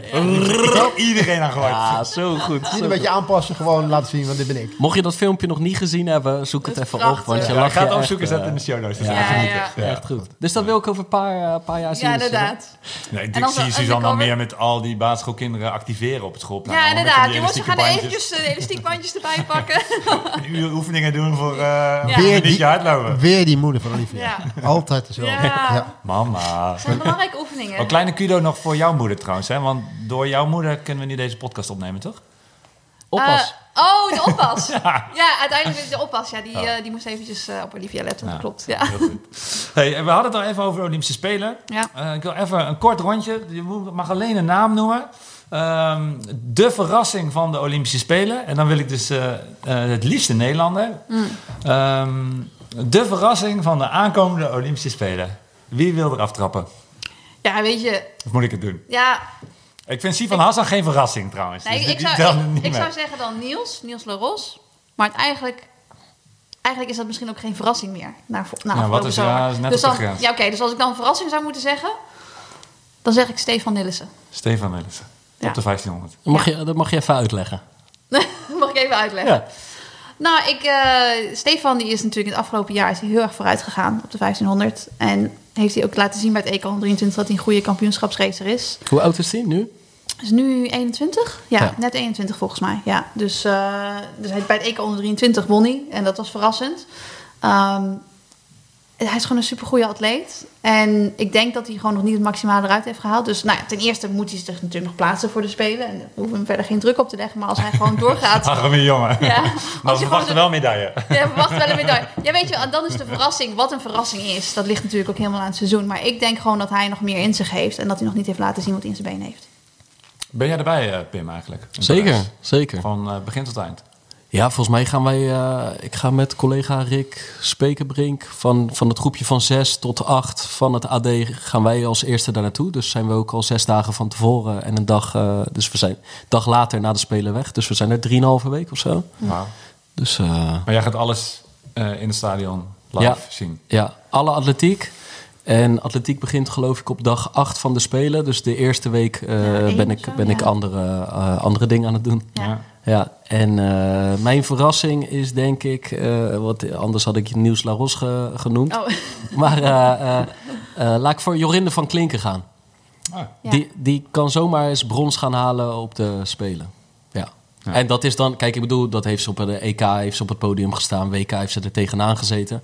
Maar ik denk voor het grote publiek die gewoon bij de Olympische Zomer hun, eh, hun tv aanzet, ook buiten de atletiek om, die hebben nog nooit van haar gehoord. Hè, mensen binnen de atletiek wel, maar het brede publiek niet. En dan heb je ineens een onbekende ja. medaillewinnares. Dat zou wel eens eh, kunnen. ja. Ik denk toch wel dat het Niels de Ros moet zijn. Want, want voor ons is het misschien geen, geen verrassing meer. Maar het is een WK geweest. Dus ik denk voor het grote publiek in Nederland is hij nog steeds onbekende. ja. En tijdens de Olympische Spelen kijken heel veel meer mensen kijken naar atletiek en naar, naar de sport. Die normaal gesproken nooit kijken. En die hebben denk ik half niet meegekregen wat hij gepresteerd heeft afgelopen jaar. ja. En als hij de ontwikkeling doorzet zoals hij het nu doorzet, dan kan hij gewoon top 6 meedoen. Dus ik denk, zeg maar, als verrassing voor het grote publiek, dat hij dat wel degelijk is. Ik ga volgende week met hem bellen, want, eh, of, of zoomen of meet, of hoe nu Hij zit ook, Kenia eh. Ja. Hij zit voor het eerst in zijn leven in Kenia, dus eh, dat leek me een mooie aanleiding om, eh, om te vragen wat hij, wat hij daar allemaal meemaakt. Dus ik laat hem nog even een weekje indrukken opdoen Ja. en dan, eh, Als het internet doet, hè, ga je naar de gym. Ja, precies. Dat ligt een beetje aan. ja. En. Parijs dichtbij, jij gaat er ook naartoe? Of? Eh, ja, ik ga, ik ga er in ieder geval twee dagen naartoe. Verder weet ik eigenlijk nog niet zozeer, maar minimaal twee dagen. Ja, Ja. ja. Ja, het is dichtbij, dus die, die kans mag je niet, eh, niet laten lopen. Een keer bij de Spelen zijn. Ik heb het vorige week ook genoemd in de podcast. Blijf ik toch bijzonderder dan, eh, vinden dan een WK of wat dan ook. Nee, ik bedoel, eh, jij kan het, eh, jij kan het uit Ja, ja. ervaring kan het, eh, kan je het meemaken. En voor Maar de atleet is het de sowieso sfeer, anders je maar het- het je maakt- uitgelachen. Stelde ik de vraag... Nou, verschil tussen EK en WK weten. En vind je de Olympische Spelen eh, nog weer groter dan de WK? Dat was een inleidende vraag, want het begon ze gewoon kaart te lachen. En toen Ja. ja. maar laten lopen. Nee, Olympische Ja. Spelen is gewoon het aller, aller, allerhoogste. Ik ben vanuit mijn Adidas-tijd, als, eh, toen ik sportsmarketing deed, ben ik, heb ik een aantal Olympische Spelers gedaan. Ja. Ik heb in mijn begintijd van Adidas een keer met klanten eh, ben ik naar een WK geweest. En die vonden een WK echt helemaal geweldig. En ik had de periode daarvoor had ik Atlanta meegemaakt. Toen ik in mijn tijd dat ik voor Saucony werkte, dacht ik bij mezelf van, ja leuk zo'n WK, maar komt niet in de buurt bij wat ik het jaar ervoor meegemaakt heb eh, op de Spelen gewoon. En ja, ik, ik vind de sfeer, welke sport dan ook, ik vind het echt zo, zo geweldig, zo fantastisch. Dat, eh, ja, als, als je de gelegenheid hebt om erbij te kunnen zijn, moet je er een keer een avond bij zijn. Ja. Ja, joh, maar die ticketverkoop is wel eh Niet normaal ellende, hoor. Ja. Duur, Dus, hè? ja. Ze Maar zeggen ook- dat het toegankelijk moet zijn voor iedereen, maar dat is het absoluut niet. Ja, het is Qua prijs, toegankelijk zeg maar. voor iedereen met geld. Ja, precies. Ja. Nou ja, de marathon is voor iedereen toegankelijk, toch? Ja. Ja, oké. Dus, maar als jij een eh, avond in het atletiekstadion wilt zitten en ze zeggen, nou, iedereen die, eh, die kan zomaar even een ticket kopen. Nee, het ik zijn echt. Gewoon niet zo. Ja. Dat slaat voor het helemaal nergens op. Ja. Ja. Ze Ja. zeggen elke keer dat er nog goedkopere kaarten aankomen, maar... Ja, geloof er niks van. Nee, nee, maar mijn, mijn ouders hebben nu een paar, paar keer raakgeschoten. Ja. Maar ja, je betaalt gewoon echt tussen de 150 en de 300 euro voor de goedkopere tickets oké. op, Ja. in zo'n, op zo'n atletiek Ja. eh, dag. Ja. En dan heb je dus de minder goede plaatsen. En geluk Ja. dat je bent ingelood en weet ik veel. Maar het, het binnenzitten in het stadion ja, is, vind ik, al gewoon een feest. ja. Weet je, ook al, zeg je, ook al zijn het de minder goede plaatsen. Gewoon de, sfeer die er hangt, de kippenvelmomenten die er zijn. Ik zeg altijd, als een, als een speaker alleen al een nummer aankondigt, gewoon. Dan, ja, dat, daar, daar begint het al, al bij. Dat, Ik is- ga, dat nu voor, anders ik ga het nu voor het eerst meemaken, Erik. Want eh, het eh, zomer 2021 was Tokio. Oh, dat was een leeg stadion. Oh, ja. Dat was gewoon echt, echt een leeg stadion. Ja, Maar ja, waar was ja. jij in 2016 dan? Eh, de bank. Oh ja, toen was je nog hier in Utrecht. hoekbankje. Oh joh. Ja, ja, Ja. België. Wauw. Ik ben wel toen, want toen, toen werkte ik al bij het AD. Maar toen vonden ze me terecht waarschijnlijk nog net iets te jong om naar de Spelen te gewoon hoe gaan. jong jij bent, zo wijs hè. Ja, ja, is ja, ja, ja, ja. Nee, dus eh, even kijken. Ja, ik ben nu 31. Toen vonden ze het nog net, eh, net te, het had gekund, maar net te vroeg. Ik ben Ja. wel dat jaar ben ik al, in, in datzelfde jaar van 2016 ben ik naar Kingston afgereisd. En het zouden de laatste spelen van Usain Bolt worden. En toen heb ik daar een week lang eh, trainingen bekeken, Oh, zijn ja. ouders geïnterviewd. Eh, ik ben naar de Jamaicaanse schoolkampioenschappen gegaan, waar hij ooit is doorgebroken als 400 meter loper. Dus ik zat wel al echt in die sportjournalistiek. En, Even die schoolkampioenschappen, dan, dan zit het hele stadion bomvol, toch? ja, ja, dat- eh, eh, zeg maar, dat dacht ik. Ja? Ik had de verkeerde schoolkampioenschappen uitgekozen. Dus ook toen zat ik in een leeg stadion. Oh man, daar heb ik zoveel over gehoord. Hoe Maar daar liepen wel. Ja. al, al eh, sprinters die door Puma of door Nike waren vastgelegd. En, en, en echt al 10, 10 eh, 2 aan het lopen waren op hun vijftiende. En dat je denkt, oké, die ga ik later dus Ja, nooit meer wat van al die namen gehoord, weet je wel. Dus je, je kan zien dat iemand van 15 nog niet per se de superster van 10 jaar later wordt. Maar ehm, eh, hoe kwamen ja, we dwalen af via Rio naar Jamaica. Olympische Spelen Maar, maar Rio was je er dus niet bij, Rio was ik er nog niet bij. Nee, Dit, nee, dit, wordt, ja. dit wordt je eerste, je eerste, je eerste spelen, spelen. echt helemaal. eh, Ja. ja. En de ik denk, stilte voor zo'n 100 meter finale is toch magisch? ja, nou toch? dat was in Tokio, was het dus zeker een stilte voor. En ook tijdens. ja, nee, maar de- de- en even los van mij, dat, dat is voor al die sporters ook wel gewoon weer echt lekker. Want je hebt een hele generatie die gewoon nog nooit zo'n spelen heeft meegemaakt. Ja. Femke Bol bijvoorbeeld is doorgebroken in lege Diamond League stadions Ja. in 2020. 2019 heeft ze nog net in Doha een WK meegemaakt, maar ook dat waren niet. Nee, dat was, daar zaten de tribunes ook niet vol. Nee. en in Rio was het gewoon, daar liep ik. En dan kon ik gewoon mijn eigen ademhaling tijdens de wedstrijd niet horen. Dus Ja. dat is heel gek. Want het is hetzelfde dat je zeg maar, als ik normaal een training doe, een zware training, luister ik nooit naar muziek of naar een podcast. Ja. Omdat ik mijn ademhaling wil horen. En tijdens een wedstrijd heb ik dat ook. Ik wil gewoon mijn ademhaling kunnen horen.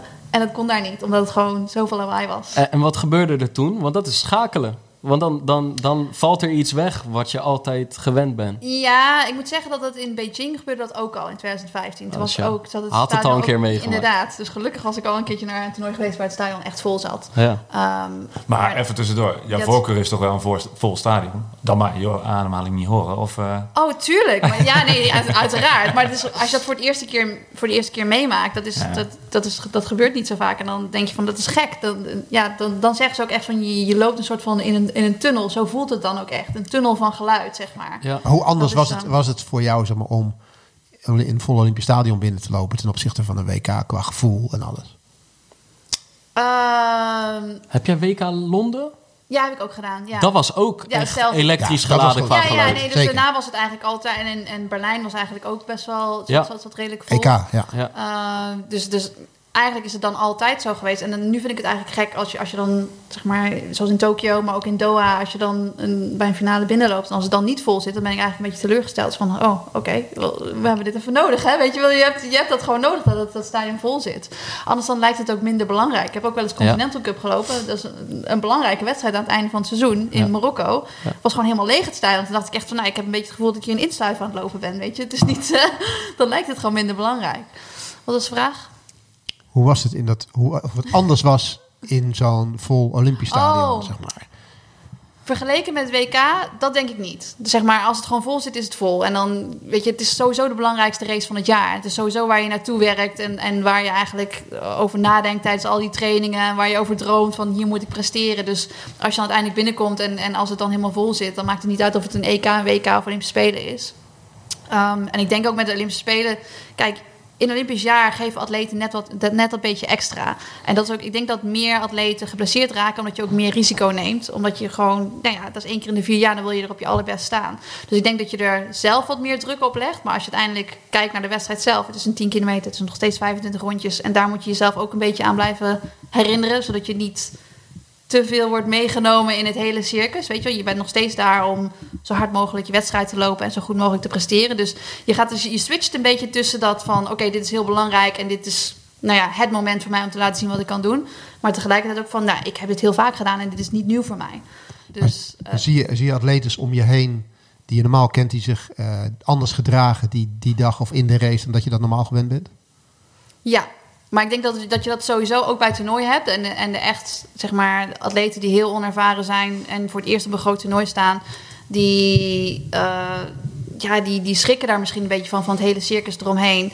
Eh, en die moeten leren zichzelf eraan te herinneren van, oké, ik hoor je thuis. Ik, ik, ik hoor je thuis omdat ik me ge- gekwalificeerd heb, omdat ik nou ja, me voor een finale geplaatst heb.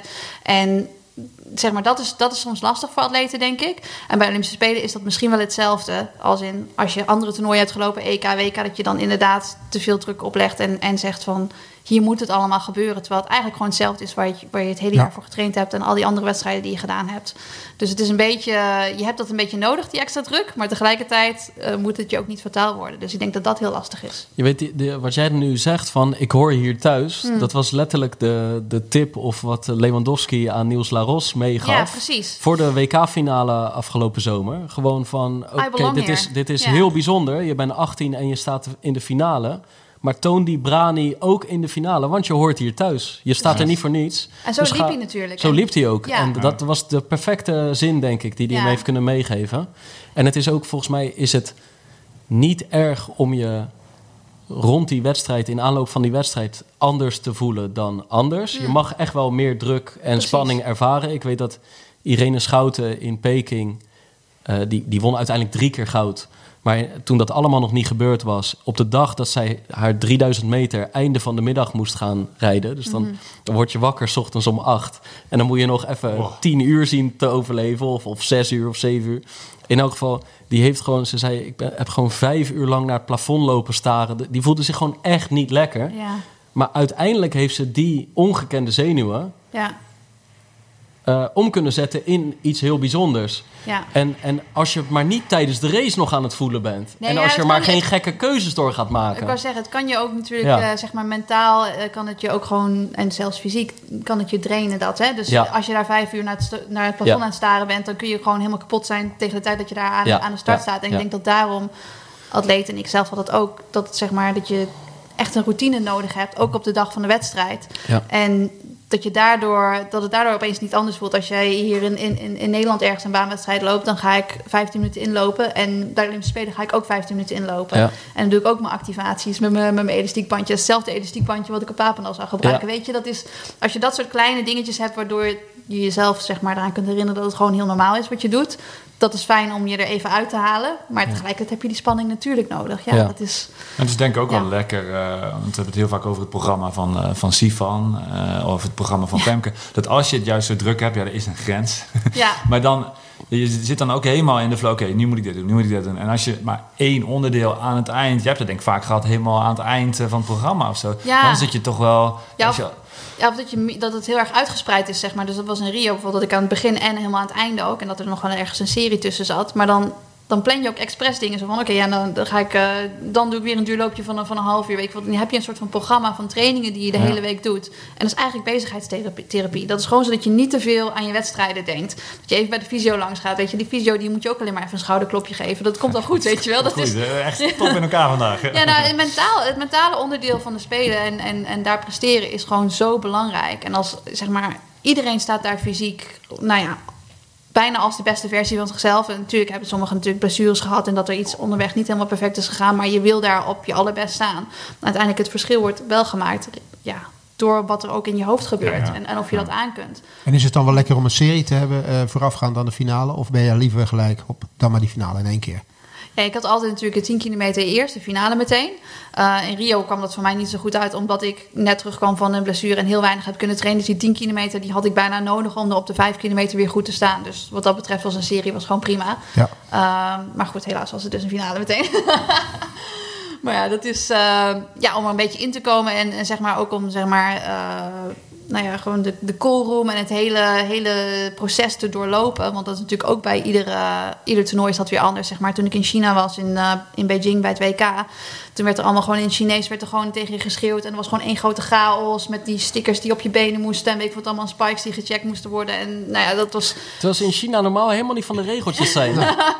Nee, maar dat is ook echt zo van, nou, als ik nu zou, als ik in, into eh, meditatie was, dan was dat nu wel, wel handig geweest, denk ik, weet Ja, je wel. ja. En in Rio, er waren gewoon te weinig wc's en dan was iedereen gewoon op de grond aan het pissen in de koren omdat er geen wc's waren, weet je. Dus dat is, er zijn gewoon chaotische dingen die daar kunnen gebeuren. En als je dat nou ja, een paar keer hebt meegemaakt, dan kijk je daar niet meer zo heel gek van op. Dus dat is op zich... eh, maar ja, de, de Nee. tegen jezelf kunnen zeggen dat je er thuis hoort, dat is wel een, een, een visio van mij, heeft dat heel lang geleden, zei hij dat een keertje...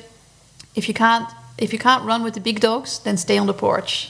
Weet je, dus hij zei, dat is wel een zinnetje wat ik altijd ook tegen mezelf zei als ik dan de korum uitkwam. Weet je, als je, als je, als je niet met de, met de grote jongens en de grote vrouwen mee kunt rennen, ja, dan, dan, wat doe je hier dan? Weet je, als je hier bent, dan moet je ook laten zien wat je in je hebt. Had jij veel van die eh, mantra's, slogans, eh, zinnetjes om gewoon jezelf bij de les te houden die je gebruikte op, op gezette tijden? Ik denk het wel. Ik denk dat ik ieder, ieder seizoen een, eh, een soort van ander ja, mantra noem jij het, iets, iets anders had. Ja. Maar dat, ja, dat, dat kwam gewoon tijdens het seizoen door bepaalde tegenslagen of iets wat ik op een be- bepaald moment ergens las of zo. Dus dat is ook niet altijd hetzelfde geweest. En, en soms dan komt het gewoon in je hoofd. En soms is het iets wat je opschrijft en in je spiketasje doet. Ehm, maar het is, ja, ik had altijd wel iets wat me, zeg maar, hielp daarbij. Ja. Want wat is inderdaad je, jouw trigger? Want je, je loopt die 10.000 meter. Ja, je het weet, de- ja, ik kreeg bij eh, de marathon kreeg ik bij 25 kilometer een bidon van eh Robbie. Oh, stond er iets op? ja, die had er een tape omheen geplakt en, eh, en er eh, opgeschreven pick, focus. Oh, Dus op het moment dat je het leest, denk je shit, had ik niet meer maar lekker- maar lekker toen direct. ik hem aanpakte, toen had ik mijn hand over het woordje focus. Dus ik las Pik. pik.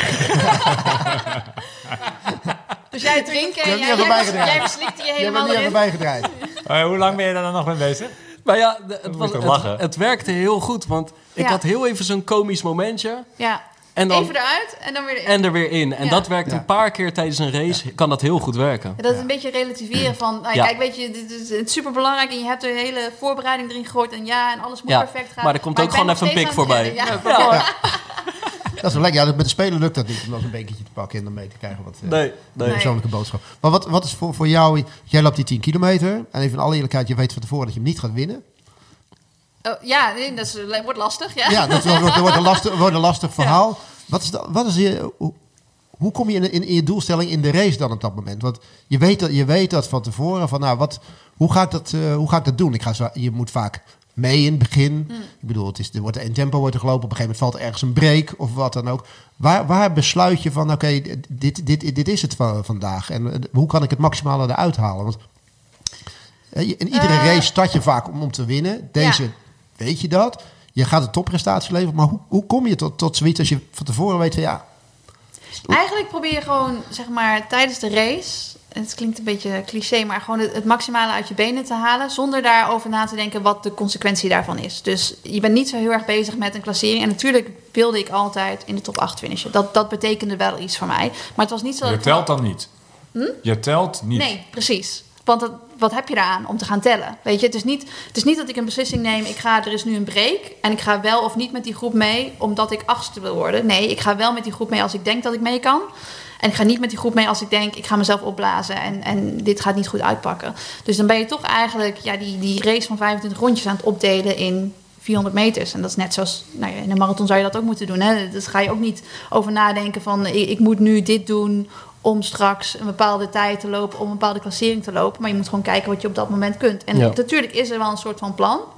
Maar ik denk dat dat plan eh, meer verandert tijdens de race eh, bij een baanwedstrijd dan bij een wegwedstrijd. Ja. Omdat je gewoon minder kunt controleren. En het is meer tactisch. Ja, want ik vind het interessant. dat Je, je, je, je weet, je kan hem niet winnen. Tijd is ook niet, eh, is ook niet het issue waar het over Nee. gaat. Dus waar...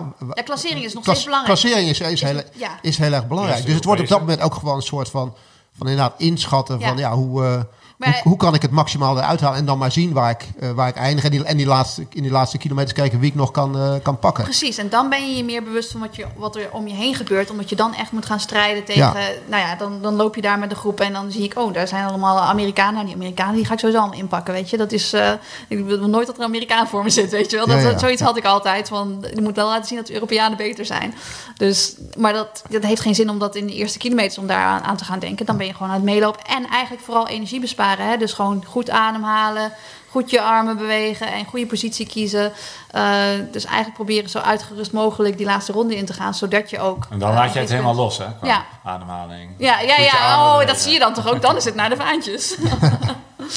ja, dus dat is. Ja, een, een baanwedstrijd loop je wel heel anders dan een wegwedstrijd. Ja, dat is. eh, ik denk dat een wegwedstrijd veel Ik gecontroleerder denk heel is. vaak in een, in een marathon, en ik weet niet of jullie dat doen, en ik weet ook niet of dat op een 10 is, maar als het dan een minder moment, en in de marathon heb je natuurlijk meer fases dan, eh, dan op een 100 meter, en bij de 10 heb je misschien nog wel een soort van fases. Als het dan even minder gaat, dan denk ik alleen maar, fuck it jongen, en nou niet verkloten, zeg maar. Je bent nu zo ver, je hebt zo lang... Maar, Het is heel negatief dat. Nee, nee, juist van, eh, ja, het doet nu wel pijn, maar je bent nu, weet je, je bent nou Oh. 35, kom, weet je wel. En dat werkt voor mij heel, zeg maar, jij hebt dan die, die, die focuspick. Ik- zeg je het ook tegen jezelf? Ja, Dat is zeker. nu je mantra. Focuspick. Maar ik probeer wel, ik probeer in de eerste 25 kilometer niet zoveel met mezelf te praten. Ja. Dan probeer ik gewoon, eh, ja, ik, niet heel veel na te denken. Een beetje in slaap te sussen. Ja, zie je, dat is hetzelfde eigenlijk. Ja. Energie besparen, toch? Echt energie besparen. En dat al die stemmetjes en, en stemmetjes sturen en, en zeg maar positief naar jezelf gaan praten, dat probeer ik te bewaren voor het laatste gedeelte. En dan heb ik wel een paar van die zinnetjes. Dit is de dag. Eh, eh, hier, heb je het, hier heb je voor getraind. Dus dan, dan, dan krijg je te horen van je brein van... Jezus, eh, heel het lijf staat in de fik. Je voelt een ongekende pijn. En dan zeg ik tegen mezelf, hier heb je voor getraind. Ja. Dus dan ga je het omarmen in plaats van dat je het uit de weg gaat. Ja. En al- ik moet wel alleen zeggen, dat is heel makkelijk om nu uit te spreken half januari. Maar dan staat straks je lijf in de fik bij 35 en dan ga je toch medelijden met jezelf krijgen. Ja. Dus het is, het, het is, het is een heel makkelijk voornemen en die zinnetjes werken soms of vaak. En, en, en eh, je moet ze zeker gebruiken of je kan ze Ja, maar zeker gebruiken. moet je dat ook in de training wel Al dat mee oefenen. herkend hebben. Ja. Dat is niet, als je dat voor het eerst daar in die marathon voelt, dan gaat het niks worden. Nee, je moet er nee. wel mee leren. Maar ik vond het altijd wel moeilijk om het moment te bepalen in een race. Dat je denkt van oké, nu kan ik het overzien. Nu kan ik volle bak alles nog geven wat, er, wat erin zit. Weet je wel, op welk moment begin je dat altijd? Van, nou, Gewoon net iets te vroeg. Dat is altijd ja, leuk. ja, dat, ja, dat is altijd leuk. Weet je, maar, maar dat is het. En dan, maar je- maar als je, dat kan je misschien weten. Maar als je het iets te laat doet, je dan zoiets van ja, waarom toen pas en waarom niet Mm. eerder? Maar dat, dat moment bepalen, zal je op die 10 kilometer zal je dat Ja. ook hebben. Van, Ik ging altijd drie ronden voor het eind. ja. Of- jij ging iets te vroeg. Ja, want Ik, ik, wil, ik wilde nooit iets laten liggen, weet je. Dat Ja. is, ik was niet bang om zeg maar Ja. dood te gaan. Hoe vaak heb je daar de prijs voor betaald? Hoe vaak heeft het je voordeel opgeleverd? Ik denk dat ik er nooit eh, plekken door verloren heb. Dat denk ik niet, nee. Nee, ja, ik zeg net te vroeg. Ik denk dat ik aan de vroege kant zat, maar ik, in ieder geval nooit te laat. Ik heb nooit, nooit, nooit gefinished dat ik dacht, ik heb niet alles gegeven. En waarom wist je dat, sorry, waarom wist je dat het te vroeg was? Eh, waarom wist ik dat het 10 vroeg meter na de versnelling. Om, ja, omdat je misschien niet het tempo vast kon houden. Weet je, dus dat is Dat besefte je de, pas tegen het einde. Eh, nou, weet je wat is? Heel vaak was het zo dat ik dan in een 400 meter, bijvoorbeeld de laatste 400 meter, dat het een soort van eindsprint was. En dan ging je op het, in de laatste 200 meter of in de laatste 100 meter ging je zo ontzettend kapot dat je het tempo niet meer vasthield, maar de rest ging nog meer kapot. Ja. Dus dan, weet je, dus dan is het te vroeg. Was je op tijd? Ja, de rest ging toch nog meer kapot. Ja. Dus Ja, ja, ik vind, het, ik vind het herkenbaar. Dat heb ik ook bij vijf, bij drie, bij vijf en bij 10 kilometer. Zeker op de baan, of, maar ook op de weg. Dat eigenlijk misschien je gedeelte tussen 400 meter en 200 meter misschien wel sneller gaat dan 200 naar 0. ja, Maar zo'n probleem is dat niet als die laatste 400 maar hard gaat Ja. over de gehele linie. Ja, maar dan durf je wel. Want Ja, dan, dan ben je durf dus je wel wel. met 400 ben je wel gegaan. In plaats van dat je dacht van ik ga wachten tot de laatste 150. Ja, natuurlijk is dat leuk. Maar als iedereen wacht tot de laatste 150, ja, dan, dan wint het eind. Maar het is ook nog tactisch, toch? Want als je Ja. met z'n vijven bent en jij gaat als eerste aan, Ja, de knakken er ook heel veel. Ja, boeien dat je nou op een hoop gaat, de rest is al geknakt. Ja, dat is ook Dat- zo. maar Ja, ja, ja, dat zo werkt het toch? Ja, nee, in, in, in 400 meter kun je, kun je veel atleten echt kapot lopen. En degene die alleen maar nog een beetje erbij hangen en nog wel een klein eindsprintje in zich hebben, die kunnen dat misschien nog wel de laatste 50 meter, weet je. Dus die moet je natuurlijk wel weg hebben. Dus alle luisteraars, zet je Ja. eindsprint te vroeg in. Te vroeg. Nee, maar het, Ja, sowieso mooi voor de foto's. Nee, maar kijk, ergens is het zonde om je topsnelheid op de streep te halen. Want na de streep moet je afremmen. Ja. Dus je kunt maar beter die topsnelheid net ietsje daarvoor hebben. En dan rol je daarmee Ja. ook nog naar de Hoeveel finish. wedstrijden zie je niet mensen met een ja, te mooie eindsprint? Zeg Ja. maar. Dan denk ik, ja, is mooi, gaat heel hard. Ja. Je hebt gewoon niet het maximale eruit gehaald. Ja. En na de rand iets te snel hersteld zijn. Ja. Ja, precies. Ik had net nog een vraag bedacht ik me. Ehm, toen je het net nog over de marathon had. Ik zat te denken.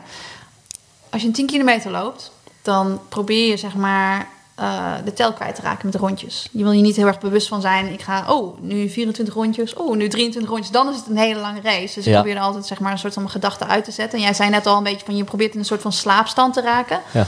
Nou, deed ik dat in 10 kilometer omdat tempo me ook niks uitmaakt. Het was niet van ik moet per se deze tijd per kilometer lopen. Maar je bent natuurlijk met een marathon ben je wel heel erg bezig met welke eindtijd je gaat lopen. Ja. Kun je dan zeg maar een soort van je gedachten uitzetten op bepaalde momenten? Of vind je dat te spannend omdat je wel iedere kilometer een split wil weten? Of mis je ook wel een splits? Eh, dus dit is bij mij heel erg veranderd. Dus eh, toen ik in eh, het najaar van 2021 voor het eerst onder de 2 uur 30 wilde lopen... en dat lukte die dag, 2.28, kreeg ik 42 keer een piepje Oh met mijn kilometertijd. Ja. Dus dan krijg je 42 keer een piepje. ik en, bij, hem op 5 kilometer zou Hey, zetten. en bij elke 5 kilometer krijg je nog een klok hè, van de organisatie. Dus dan is er gewoon 2 uur en 28 minuten lang... Is, speelt de tijd een rol. Ja, je, bent, je weet precies waar je Ja, loopt ook. Van- en bij alle ja. trainingen kreeg ik ook nog elke kilometer een piepje door met mijn kilometertijd. En dat heb ik de afgelopen drie jaar gaandeweg helemaal eh, nou ja, uitgezet, losgelaten, hoe je het wil noemen. En eh, ik heb mijn vorige marathon afgelopen april in 2 uur 24 gelopen. En eh, dan heb ik mijn, mijn klo- klok gewoon om mijn pols. Ja. Ik zie mijn gemiddelde snelheid over de gehele marathon. Dus of ik nou op 3 kilometer ben of op 17, ik zie het gemiddelde daarvan. ja, Ehm, en ik zie om de 5 kilometer de klokken van Ja. de organisatie. En dan maakt het En me ook niet uit. slapen. Ja, tussendoor kan ik slapen. Ja. En dan is het ook nog zo. eh, ik let het meeste op mijn snelheid. Een beetje zo tussen de 3 en de 5 kilometer. Dat gedeelte Mhm. waar, waar je gewoon echt even je tempo wil vinden. En dan maakt het me ook niet uit. Stel, ik wil komende april eh 3, 3 minuten 20 lopen gemiddeld. Om op 2 uur 21 uit te komen. Dan, dan maakt het me niet uit of ik 3,22 of 3,18 aan het lopen ben. Als Ja. het maar goed voelt. Ja, precies. Het is nog zo ver, weet je wel. Ja. ja. Maar ik vind Ja, soms, je moet, het wel, je moet het wel in de gaten houden. Ik merk het vaak, hè, ik, ik begeleid die kopgroep vanaf de, vanaf de motor. Als een, als een groep gewoon lekker gaat, kan je het soms gewoon laten gaan. Hè? Want je wil zo min mogelijk zeggen en als het goed gaat, Als gaat het het hard goed. gaan bedoel je? Ja, precies. Wil zo min mogelijk over zeggen. Maar soms zie je ook gewoon, dan zit het in een soort van, van trance, gaat het goed. Maar wat je, jullie hebben het net over van, eh, je slaapt een beetje. Op een gegeven moment Verslapt het verslapt het een beetje. En, en als het om tijd gaat, ja, dan moet je wel zorgen dat ze de aandacht blijven houden. Want iedere kilometer die je gewoon eventjes twee seconden laat lopen, drie seconden laat lopen... en je doet dat een kilometer of vier achter elkaar, die win je niet zomaar terug. Ja. Dus je moet ze wel een soort van aanhouden, als het ware. Dus ik heb, als, als, op een gegeven moment denk ik, nou lekker, ik hoef even niks te zeggen. Maar je moet het wel een soort van strak in de gaten houden. Van oké, blijft het zo? Want Ja. soms loopt het zo heel langzaam bij ze vandaan zo. En ja, dan moet je er wel even bij zijn. Want jongens, hey, kom op, even wakker worden. En Ja. het moet wel...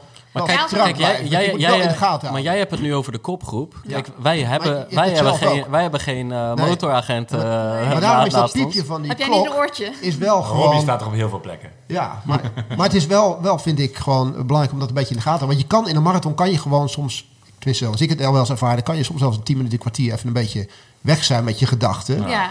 En, dat- en, en dan moet je wel even, even eh, opletten van, ho, weet je, Ja. niet Ja, maar, dat ik... dus, dus, dus ik zat nu wel in een groepje waar we eigenlijk het merendeel dat volgens mij niet had. Ja. Maar het is gewoon, het is, kijk, in slaapzussen, eh, dat, dat is meer van op sommige gebieden. Ja. Want tegelijkertijd blijf je gewoon enorm voelen als het goed is. Ja. En, en in dat voelen zit, zit dus ook van... oké, in deze drie kilometer is het niet erg om wat secondes te verliezen... want we hebben wind tegen.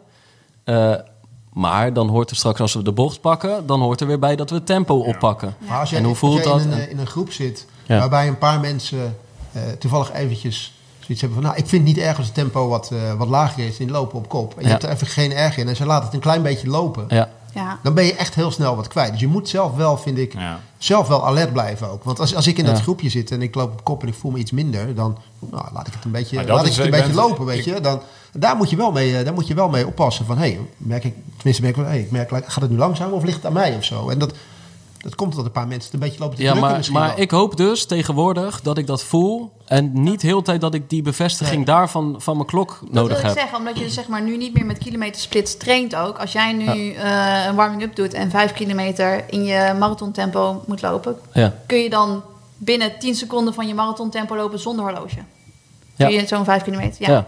En kon je dat daarvoor toen je die kilometersplits altijd nodig had? Of ik, ik, ik, ik, ik denk het eigenlijk al wel, Ja, maar dan wel, had ja. ik het moeten oefenen. ja, Snap je? dan Dus, was het dus, eh, minder ja. op de automatische piloot. Ja. Maar ik vind Ja. dat heel veel mensen in het eh, geavanceerde horlogetijdperk... dat tegenwoordig niet meer kunnen. En ik vind het wel belangrijk dat je dat wel kan. Ja, precies. Je, als je, al die mensen zijn zo afhankelijk van die, eh, eh, van, van die, van die klok allemaal. En die Ja. kijken zoveel op, op het horloge. Weet je, je- gewoon voelen. Voel wat het is om vier minuten per Hoe kilometer gebruik jij hem? Ja, dat is lekker. Nou ja, nee, ja, ik ben eh, zoals jij was en dat, ik denk dat het voor mij heel goed is. Ik ben het helemaal met Erik eens. Er is echt een wezenlijk verschil tussen de marathon en een 10 kilometer. Mijn 10 kilometer per jaar heb ik gelopen zonder horloge. Ik was alleen maar aan het racen. Ik wilde die Ja. wedstrijd winnen. Een marathon kun je niet zo lopen. Ben ik van overtuigd. Ja, jij hebt dat wel nodig. Ja. Ja, je moet jezelf controleren. En niet als een debiel.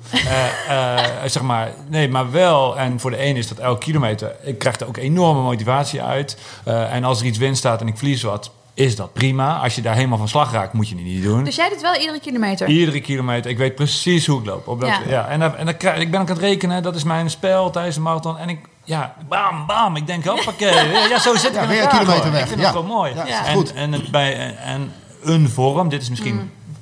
te extreem.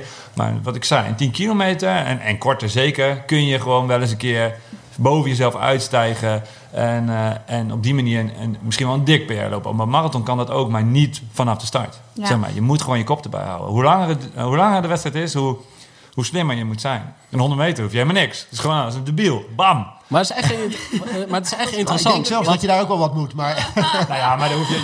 Ja, technisch moet het daar wel een beetje ja, kloppen, denk ik. techniek, Dat is techniek. Nou ja, is ook Ja, wel ook vooral niet onbelangrijk, denk ik. Ja. Maar het is echt interessant, want we zeggen eigenlijk alle vier... je moet je kop erbij houden.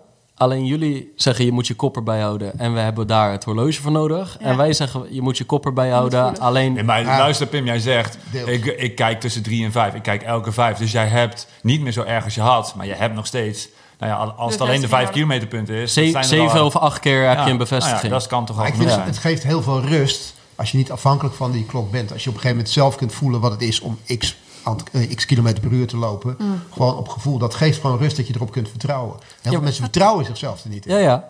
Hè, dat, dat is het, En aan het eh, begin dat voelt het makkelijk, dus Ja. het risico op te snel. Ja, ik heb het zelf Ik weet, wel ik weet wel dat Abdi wel een keertje zei van, dat hij liever niet op zijn horloge kijkt. Maar dan had hij het wel vaker over races waar hij natuurlijk ook voor positie aan het racen was. Maar omdat hij ook zegt van, dan, dan, ehm, dan heb je er ook een oordeel over. En dan, dan, Nee, maar Abdi je heeft een keer gezegd dat hij vlak voor een hele goede marathon, vlak voor de start besloot, ik geef Ja. mijn horloge Horloge weg. Maar ja. dat, hij heeft een andere, een andere situatie, want hij heeft wel een hazen in een Ja, groep. inderdaad. En, En, en, eh, en wij en zitten gewoon eh, in je ja. eigen groep. Ja, het gaat om klassering. Als je een paar Het gaat groepen niet- te ver naar voren zit, heb je wel een serieus probleem. Gaat een keer niet over tijd. Dus, eh, Volgens mij, eh, Frank Futselaar, Ja. die zie ik ook heel vaak of, of afgeplakt. Ja. Of hij draagt hem niet. Of hij gooit hem tijdens de wedstrijd weg. Oh ja? Ja. Dat heb ik hem ook wel zien, zien Ja, je kunt ook gewoon niet kijken. Dat, dat ik dus wel om tijdens, de 10 gooien. kilometer. Dan heb je dus natuurlijk gewoon die klok die gewoon echt bij de finish staat. En dan ging ik echt altijd gewoon helemaal naar rechts kijken. Omdat ik dan anders zag ik de tijd of, of hoeveel rondjes het was. Weet je wel. En was je niet van het eh, grote kijken. scherm kijken? Nee, oh ja, in de laatste ronde. Om te kijken wat er achter je gebeurt. Ja, precies, Ja, precies. maar Dat dat, helpt is, wel. eh, ja, Ja. dan wel. Hey, we moeten even terug. Nee. Wie wordt de grote verrassing van de Spelen, Imo? Ja, ik, eh, we ik, zijn eh, kwijt. ik heb lang nagedacht ook over wat is een verrassing. En ik zei al als grapje, Sivan Hassan is geen verrassing. Het is wel een verrassing wat ze precies gaat doen misschien. En Femke, Ja, vier onderdelen misschien wel, hè? ja, dan kom ik, geef ik weer geen antwoord. Gaan we dan misschien zo nog over. Ehm, ehm, ik twijfel tussen twee. Eh, Emma Oosterwegel. Die is dan geen verrassing, want die heeft al brons gewonnen. Maar dat was natuurlijk een gigantische verrassing. Nederland meerkampland. Eh, de- Ja, die is goed. Maar ik kies dan toch Mike Foppen. En die gaat geen medaille halen. Eh, maar die gaat wel rechtzetten eh, wat er in Tokio misging. En gaat meestrijden in die finale, zeg maar. Dat vind, dus, Ja. dat, dat, Nee, hoeft ook, een verrassing hoeft niet altijd een medaille te zijn. Nee, hè? Hallo, dat nee, is, dus eh, er zijn meerdere. eh, toch voor het lopen kiezen dan. Ook al zijn we ook een meerkampland. Ik, ik Hij is- zeg dan Ja. Hij had daar last van zijn Achilles, denk ik, hè? Of van iets Ja, anders. zijn kuit was Kuit. dat ja. ja. Maar hij natuurlijk, hè, dat is allemaal verbonden, dezelfde keten. Dus eh, Ja. Ja. Ja. Dus die, die, eh, Hij is nu in Zuid-Afrika aan het trainen, zag ik. Ja. Ik zag Ja. fantastische beelden eh, voorbij komen. ja, hij, loopt, eh, hij probeert zich over een paar weken al te plaatsen eh, op een indoorbaan. Ja, in- in Vijf Boston, kilometer hè? in Boston, waar Ja. hij vorig jaar natuurlijk Nederlands record liep. Ja, het moet allemaal goed vallen, maar eh, het, het ziet er goed uit. Dus Ja. daar zet ik dan eh, mijn... ja, vind ik ook een mooie. Ja. Wil ik eventjes naar de meest gestelde vraag van de luisteraars. En dan kijk ik Erik aan. En dan gaan we even een rondje persoonlijke doen. En dan begin ik bij Erik. Oh ja. Ik ga even wat namen noemen, want anders... eh, onder andere René, Freek en Danny vragen... Erik, wanneer in 2024 loop jij onder de 40 minuten? Op de 10 kilometer. Misschien even een kleine inleiding. Dat is een jaarlijks doel volgens mij. Ja, nou, dat kan ieder moment zijn, denk ik. Ik denk dat het nu al kan. Dus, eh, Maar, eh, dan, hij is niet gepland. Het gaat gewoon... nee, is dat, nee, is dat nu niet, nu niet gepland. Ik heb afgelopen jaar ook wel heel erg moeten plannen, zeg maar, om dat te kunnen. Tenminste, was ik eigenlijk niet, niet aan toe. Maar einde van het jaar heb ik het nog gehaald. Maar het niveau wat ik nu heb... eh, Even, dit, we heel even, dit is zijn jaarlijkse doel. Ja. Alleen, hij moet zich altijd in december aan zijn jaarlijkse doel Ja. herinneren. En dan moet er ergens in die Ja. weken nog een, een sub 40 worden Precies. uh, tussen maar als jij morgen gepropt. vraagt van, eh, gaan we het morgen doen? Dan ga ik het morgen doen. Je bent goed genoeg. Ja, nu wel. Ja. Gaan we het morgen doen, Erik? Nee. ik, ga zondag, ik ga zondag een half marathon lopen, dus eh, ja. Maar nee, die, die, eh, Maar, eh, gelukkig ben ik, eh, ik ben in een gelukkige omstandigheid dat ik dat nu al zou kunnen. Ja, je bent heel, je bent in vorm. Ja, ik ben, nou ja, ja, ik ben, Maar hij ik bent ben altijd fit. goed dus. Ik ben fit. Ja, nu. Nee, nee, ik ben lang niet altijd goed geweest de laatste jaren. Maar het laatste half jaar gaat het... eh, Maar zij willen ook goede echt kant een, een datum en een plek volgens mij. Dus je zeggen? eh, nee, ja. Een maand dan misschien? Nee, eh, ik moet er nog eentje uitzoeken dan. eh, maar dan moet, het, dan moet het onder de 39. Dan moet het, geen, dan moet het niet onder de 40. Dan Toch moet weer een beetje de we zien wel fase dit, Ja. hè? Ja, ja, ja. Nee, dat is niet de wel zien wel fase. Nee, ik ben, eh, nee ik denk dat, ik denk dat de ambitie hoger ligt dit jaar. Ja, dan. Sub 39. Ja. ja Mooi. toch, ja. Mooi, mooi, mooi, mooi. Ja. ja. Eh, voor Pim heb ik er ook een. Ben je klaar voor mijn sluis?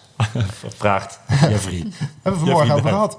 Ja, nee, ik ben zeker niet klaar voor uh, Maasluis. Dus uh, ik ben eigenlijk lekker aan het trainen. Alleen um, ik ben sinds ja, echt al een dag of 10, 12 gewoon flink verkouden. En eigenlijk nu, ik zit aan het einde daarvan. Maar gewoon hartslag hoog, neus vol, keelpijn. Als ik hoest, dan voel ik echt mijn longen. Dus ik ga zondag geen halve marathon lopen. Ik, ik, ik kan prima gewoon duurlopen doen.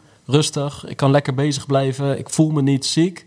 Alleen dat is wat anders dan een halve marathon gaan rammen. Ja. En ik weet zeker, als ik dat doe, dan kan het die dag nog. Ik, ik loop al geen PR. Vorig jaar liep ik daar het, uh, het parcoursrecord. Kijk, kijk. Uh, alleen. Als je herstel duurt ook zo lang dan. Ja, precies. Ja. Dan heb ik daar twee weken later nog last van. En niet in de zin van spierpijn, maar wel dat ik die twee weken daarna dan veel minder heb kunnen trainen. Dus uh, nee, ik ga hem niet lopen. Het grote doel is voor jou toch Rotterdam. dit. Verstandig, hè? Verstandig. Alleen ik moet dus wel zeggen, jaren. Suzanne, dit, dit is heel verstandig. Maar daardoor komt het er wel op neer dat ik echt eigenlijk, je hebt mensen, die, die zie ik ongeveer elke week, elke twee, elke drie weken leuke wedstrijden lopen. Ik lijk dan meer op hoe jij vroeger, weet je wel. Ja, maar Ik- dan wel één keer en dan goed, hè? op 14 april sta ik er. Dat weet ik gewoon. Dat gaat me lukken. Alleen, alleen ja, de maanden daarvoor zie je me niet. Nee, maar dat is toch allemaal Maar ja, je, kijk, het is toch wel de parcoursrecordhouder die niet aan de start staat komende zondag. Ja, ik, misschien. ik moet, eh, het ik, moet de organisatie nog even een mailtje sturen, inderdaad. Eh, ook goed, deze herinnering. Nee, eh, wat echt, maar- en het is ook nog zo. Eh, het is niet de allergrootste wedstrijd, maar het is vanuit AV Waterweg. Start en finish op de, op de baan. Leuke atletiekvereniging. Maar eh, het kan daar waaien, jongen. En ik heb gisteren de weersvooruitzichten gezien. Ja. En dan vind ik het niet eens zo heel erg dat ik afgelopen weekje verkouden ben. Want het kan windkracht 6 gaan worden. En het is gewoon ja, la- langs de Ma- Maaslandkering. Open polders, dijken. In het Westland. Ik neem je positie wel in. Gewoon. Ja. Ik ga het Ja. gewoon doen. En, eh, Ja.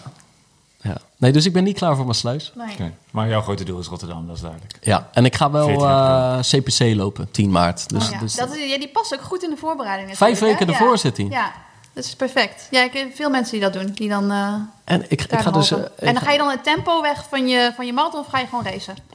Nee, ik ga wel racen. Ja. Alleen, eh, ehm, eh, ik moet niet na 12 kilometer al het gevoel hebben dat ik over het randje ben gegaan. Ja. Dus Niet te vroeg aangaan. ja, nou ja, kijk, Wel iets eerder dan normaal. ik mag op het randje lopen, maar ik mag er niet 10 kilometer overheen gaan. Dus, dus de bedoeling is een beetje, Een beetje progressief lopen ja, uiteindelijk dan. nou ja, dat je toch een, ergens een procentje of twee overhoudt. Nee, maar snap je wat ik bedoel? Gewoon, die dag moet niet 100 keer door muren heen knokken zijn. Nee, maar je kunt toch ook gewoon de laatste kilometer alleen eh, gewoon... Ja, nee, maar ik wil gewoon een goede halve marathon daar lopen. Vijf, weken, En- vijf weken voor de marathon kan je nog een beetje... Ja, in, principe, maar in principe ben je dan ook gewoon in een goede vorm. Ja. Je hebt al hartstikke veel hard werk eh, geleverd. Twee dagen later ga ik voor 18 dagen naar Montegordo. Maar kijk, het moet niet de bedoeling zijn dat ik heel mijn trainingstage in Montegordo verneuk... omdat ik eh, dan een PR bij CPC heb gelopen. Dat zou niet de goede volgorde Ja. eh, zijn. Maar heb je de PR, heb je, gewoon- als je met de tijd die je de marathon wil lopen, heb je dat PR toch wel een beetje nodig op die halve? Ja, nee, dus, dus ik mag ook zeker een PR lopen. Alleen het is de vraag, hoe loop je een PR? En dan moet die deels uit controle zijn eh, voortgekomen. Maar het wordt serieus, hè? Die, We hadden net een discussie Ja. over tijd. 17 maar jij dagen trainingstage in controle. Montegordo. Ja, inderdaad. Het, is, het gaat echt, eh, het is bijna werk. Hey, ik, ga, Het, begint, het begint als werk te, te lijken. ja, ja, maar ik heb van mijn hobby mijn werk gemaakt. Ja, ja, ja. ja, ja. Nee, ik ga met eh, Guido Hartensveld en Michel Butter ga ik, eh, richting eh, de Portu- Portugese zon. De puntjes op Ga de je dan ook in een hoogte tent slapen of zo, of niet? Nee, dus het is geen hoogtestage, maar het is wel is een warmtestage. Niet heel serieus aan. Het is wel een dus- warmtestage. En, en ik, gewoon eh, eh, vi- via een andere weg Ja. heeft je lichaam nog altijd adaptaties door te lopen in de warmte. Oh, zeker, zeker. Ja. Ja. Ja, in de warmte. Ja, is, het is natuurlijk niet super warm dan, maar Nee. het, is, eh, ja, het is gewoon lekker ook, hè. Ja. Dus het is Ja. en beter voor je herstel. Nee, en dus, ik wil absoluut een keer een hoogtestage gaan doen. Maar die wil ik niet de maand voor de Marathon van Rotterdam doen. Mijn allereerste hoogtestage. Ja, snap Want ik. je Maar jij weet gaat niet elk jaar Rotterdam doen, dus je moet elk jaar nog wat te verbeteren hebben. Dus dit jaar Montgora en dan volgend jaar. eh. Volgend Ja. jaar wellicht wel. Ja, ja, ja. ja. En zus, durf jij al wat over, je, over je sportieve eh, doelen voor... Ligt eh, Olivia al in een hoogtetent? Eh, nee, nog niet. Nee. En het is ook, nee, ja, weet je, ik wil wel natuurlijk, uiteindelijk wil ik gaan rennen met Olivia in, de, in, in die mooie wagen. Hebben we het de vorige keer nog Ja. over gehad? Ja, het is alweer lang geleden. Ja, Nee, ehm, of ik een sport. Ja, ik zei dat net al. Ik, ik kan niet echt een deadline. eh, ik, ik wil Nee. natuurlijk wel een wedstrijd lopen. En dat moet in 2024 echt wel gaan gebeuren. Eh, of het een marathon wordt, wordt, dat weet ik niet meteen. Maar sowieso een 10 kilometer natuurlijk, want dat vind ik ook nog steeds een een mooie sub afstand. 40 op de 10, dat uh, zit er Ja, inderdaad, dat sowieso. Sub 40. Sub 39 Zo'n zal soort baan. Nee, dus eh, ik wil wat, wel wat op de weg gaan doen. Maar dit voorjaar wordt nog een beetje vroeg. Ja, Ja, ja. ja. mooi. Nou, mag je hem zelf nog beantwoorden. Nou ja, wat ik zei, ik zit een beetje in de... Hoe, hoe noemen we die fase? We zien wel. zien wat Nee, ja, nou, ik, eh, ik ga sowieso een marathon doen. En als ik een marathon ga doen, dan doe ik dat niet op halve kracht, zeg maar. Dus die gaat er wel komen. Maar dat zou ook maar zo in het najaar kunnen zijn. Dat weet ik gewoon nog niet. Ehm en ik ga eh, twee hele mooie wedstrijden zelf organiseren. Dat vind ik ook altijd vet. Ik zag iets moois voorbij komen. Albert Kuip. Ja, er komt, eh, de, die, en er komt een, eh, de Kuip Relay op Bellen. eh, in... eh, maart. Die organiseer ik niet zelf. Ik organiseer zelf Run and Roast in, eh, in april. En de Big Ten komt ook weer terug in Oké. eh, juli in Rotterdam. Dus hebben we nu een datum voor. We gaan van de Oh, zondag naar de zaterdag. dan wel... De Big Comeback bij Ja. de Big Ten. Ja, de dat big is comeback. Maar goed, dat, is, ja, dat vind ik heel gaaf. Maar dan loop je zelf niet natuurlijk. Dus, Ja. nou ik loop een halve marathon in Barcelona in februari. Dat is sowieso heel gaaf. Dan zal ik niet in PR-vorm zijn. Maar ja, dat is wel nu mijn drijfveer om eh, weer tempo's te doen. En eh, dan word je weer langzaam beter. En dan, voor je het weet, heb ik me ingeschreven voor eh, misschien wel Rotterdam. Hoe ziet hij eruit in Barcelona? Wat voor, wat voor parcours is dat? Ja, hij is wel redelijk snel. Maar vooral mooi. Ik ja, vind het een fantastische stad. En gaat ook langs highlights. En het is gewoon, ja, dat is het leuke van, dat hebben jullie volgens mij, nou ja, jij bent vorig jaar zelfs naar IJsland geweest volgens mij. Ja. Zeg maar, het combineren van een mooie plek met een wedstrijd, eh, ja, is gewoon gaaf. En, eh, Start bij de Sagrada Familia en finish op de Ramblas. Of ik een, weet eh, niet precies, ik kom er langs, maar je staat volgens mij niet Boven op de ook nog. Hij Ja. niet klaar, die kerk, hè? Nog steeds niet. Nee, Nooit klaar. Is nooit af. het is net een marathonvoorbereiding. Suus, even korte break. Want wij kregen van Run Today in Otlo een naar de vaantjes verhaal opgestuurd. Eh, en die wil ik toch even delen. Nou, Het gaat over Jack Catterall. Ken je hem? Ik denk dat Jake is, hè? Oh, Jake. Ja, Ja. ik ben een Nederlander. hè. Ja, Jake, is Jake. Maar Jake, Jake heeft 5650 kilometer hard gelopen. Ja. Dat is echt waar, hè? Van de Noordkaap tot Tarifa. Dat is echt het eh, zuidelijkste puntje van Spanje. Eh, ja, dat vond ik wel eventjes het, eh, het noemen waard. 5650 kilometer. Pottimmen, dat is fair. Die is wel naar de vaantjes gegaan, denk ik. Oei, oei, oei. ja, hoe lang deed hij erover? Oh, lang. Ehm dat zou ik je zeggen, 94 dagen. Dus Oké, eh, heb ik vind ik nog best snel eigenlijk. Ja, dat is een gemiddelde van 70, 80. Ja, Dat bedoel ik. uitrekenen per dag. Ja. Dat is echt serieus. Wauw. Ehm, eh, en dan is de vraag waarom? Ik eh, denk voor een goed doel. Ja, volgens mij ook. Ja, volgens mij ook vindt het ook uitdaging, ja. gewoon, volgens mij vindt hij het ook gewoon fucking vet. Eh, Ja. Ook een goed doel, right to play. Ehm, eh, en hij is ook aan het trainen, want hij wil nog iets bizarder doen. En volgens mij is dat het probleem als je eenmaal aan dit soort dingen begint. Ja, dan Dan kan het niet ver genoeg, ja. Nee, hij- uiteindelijk wil hij eh, eh, Antarctica oversteken. Oh, wauw. Ja, Ja. ja. Maar wanneer heeft hij dit gedaan dan? Want heeft hij dit ook in de winter gedaan of in de zomer? Ja, hij zegt zelf, weet je, dit is, een, dit is zwaar en hij heeft er echt heel veel van geleerd en hij heeft echt gigantisch afgezien. Ja. Maar er is nog wel wat anders dan Antarctica en hij, daar is hij ook nog echt niet voor klaar. Hij zegt, dan moet Ja. hij, ja, daar komen nog hele andere dingen eh, bij kijken.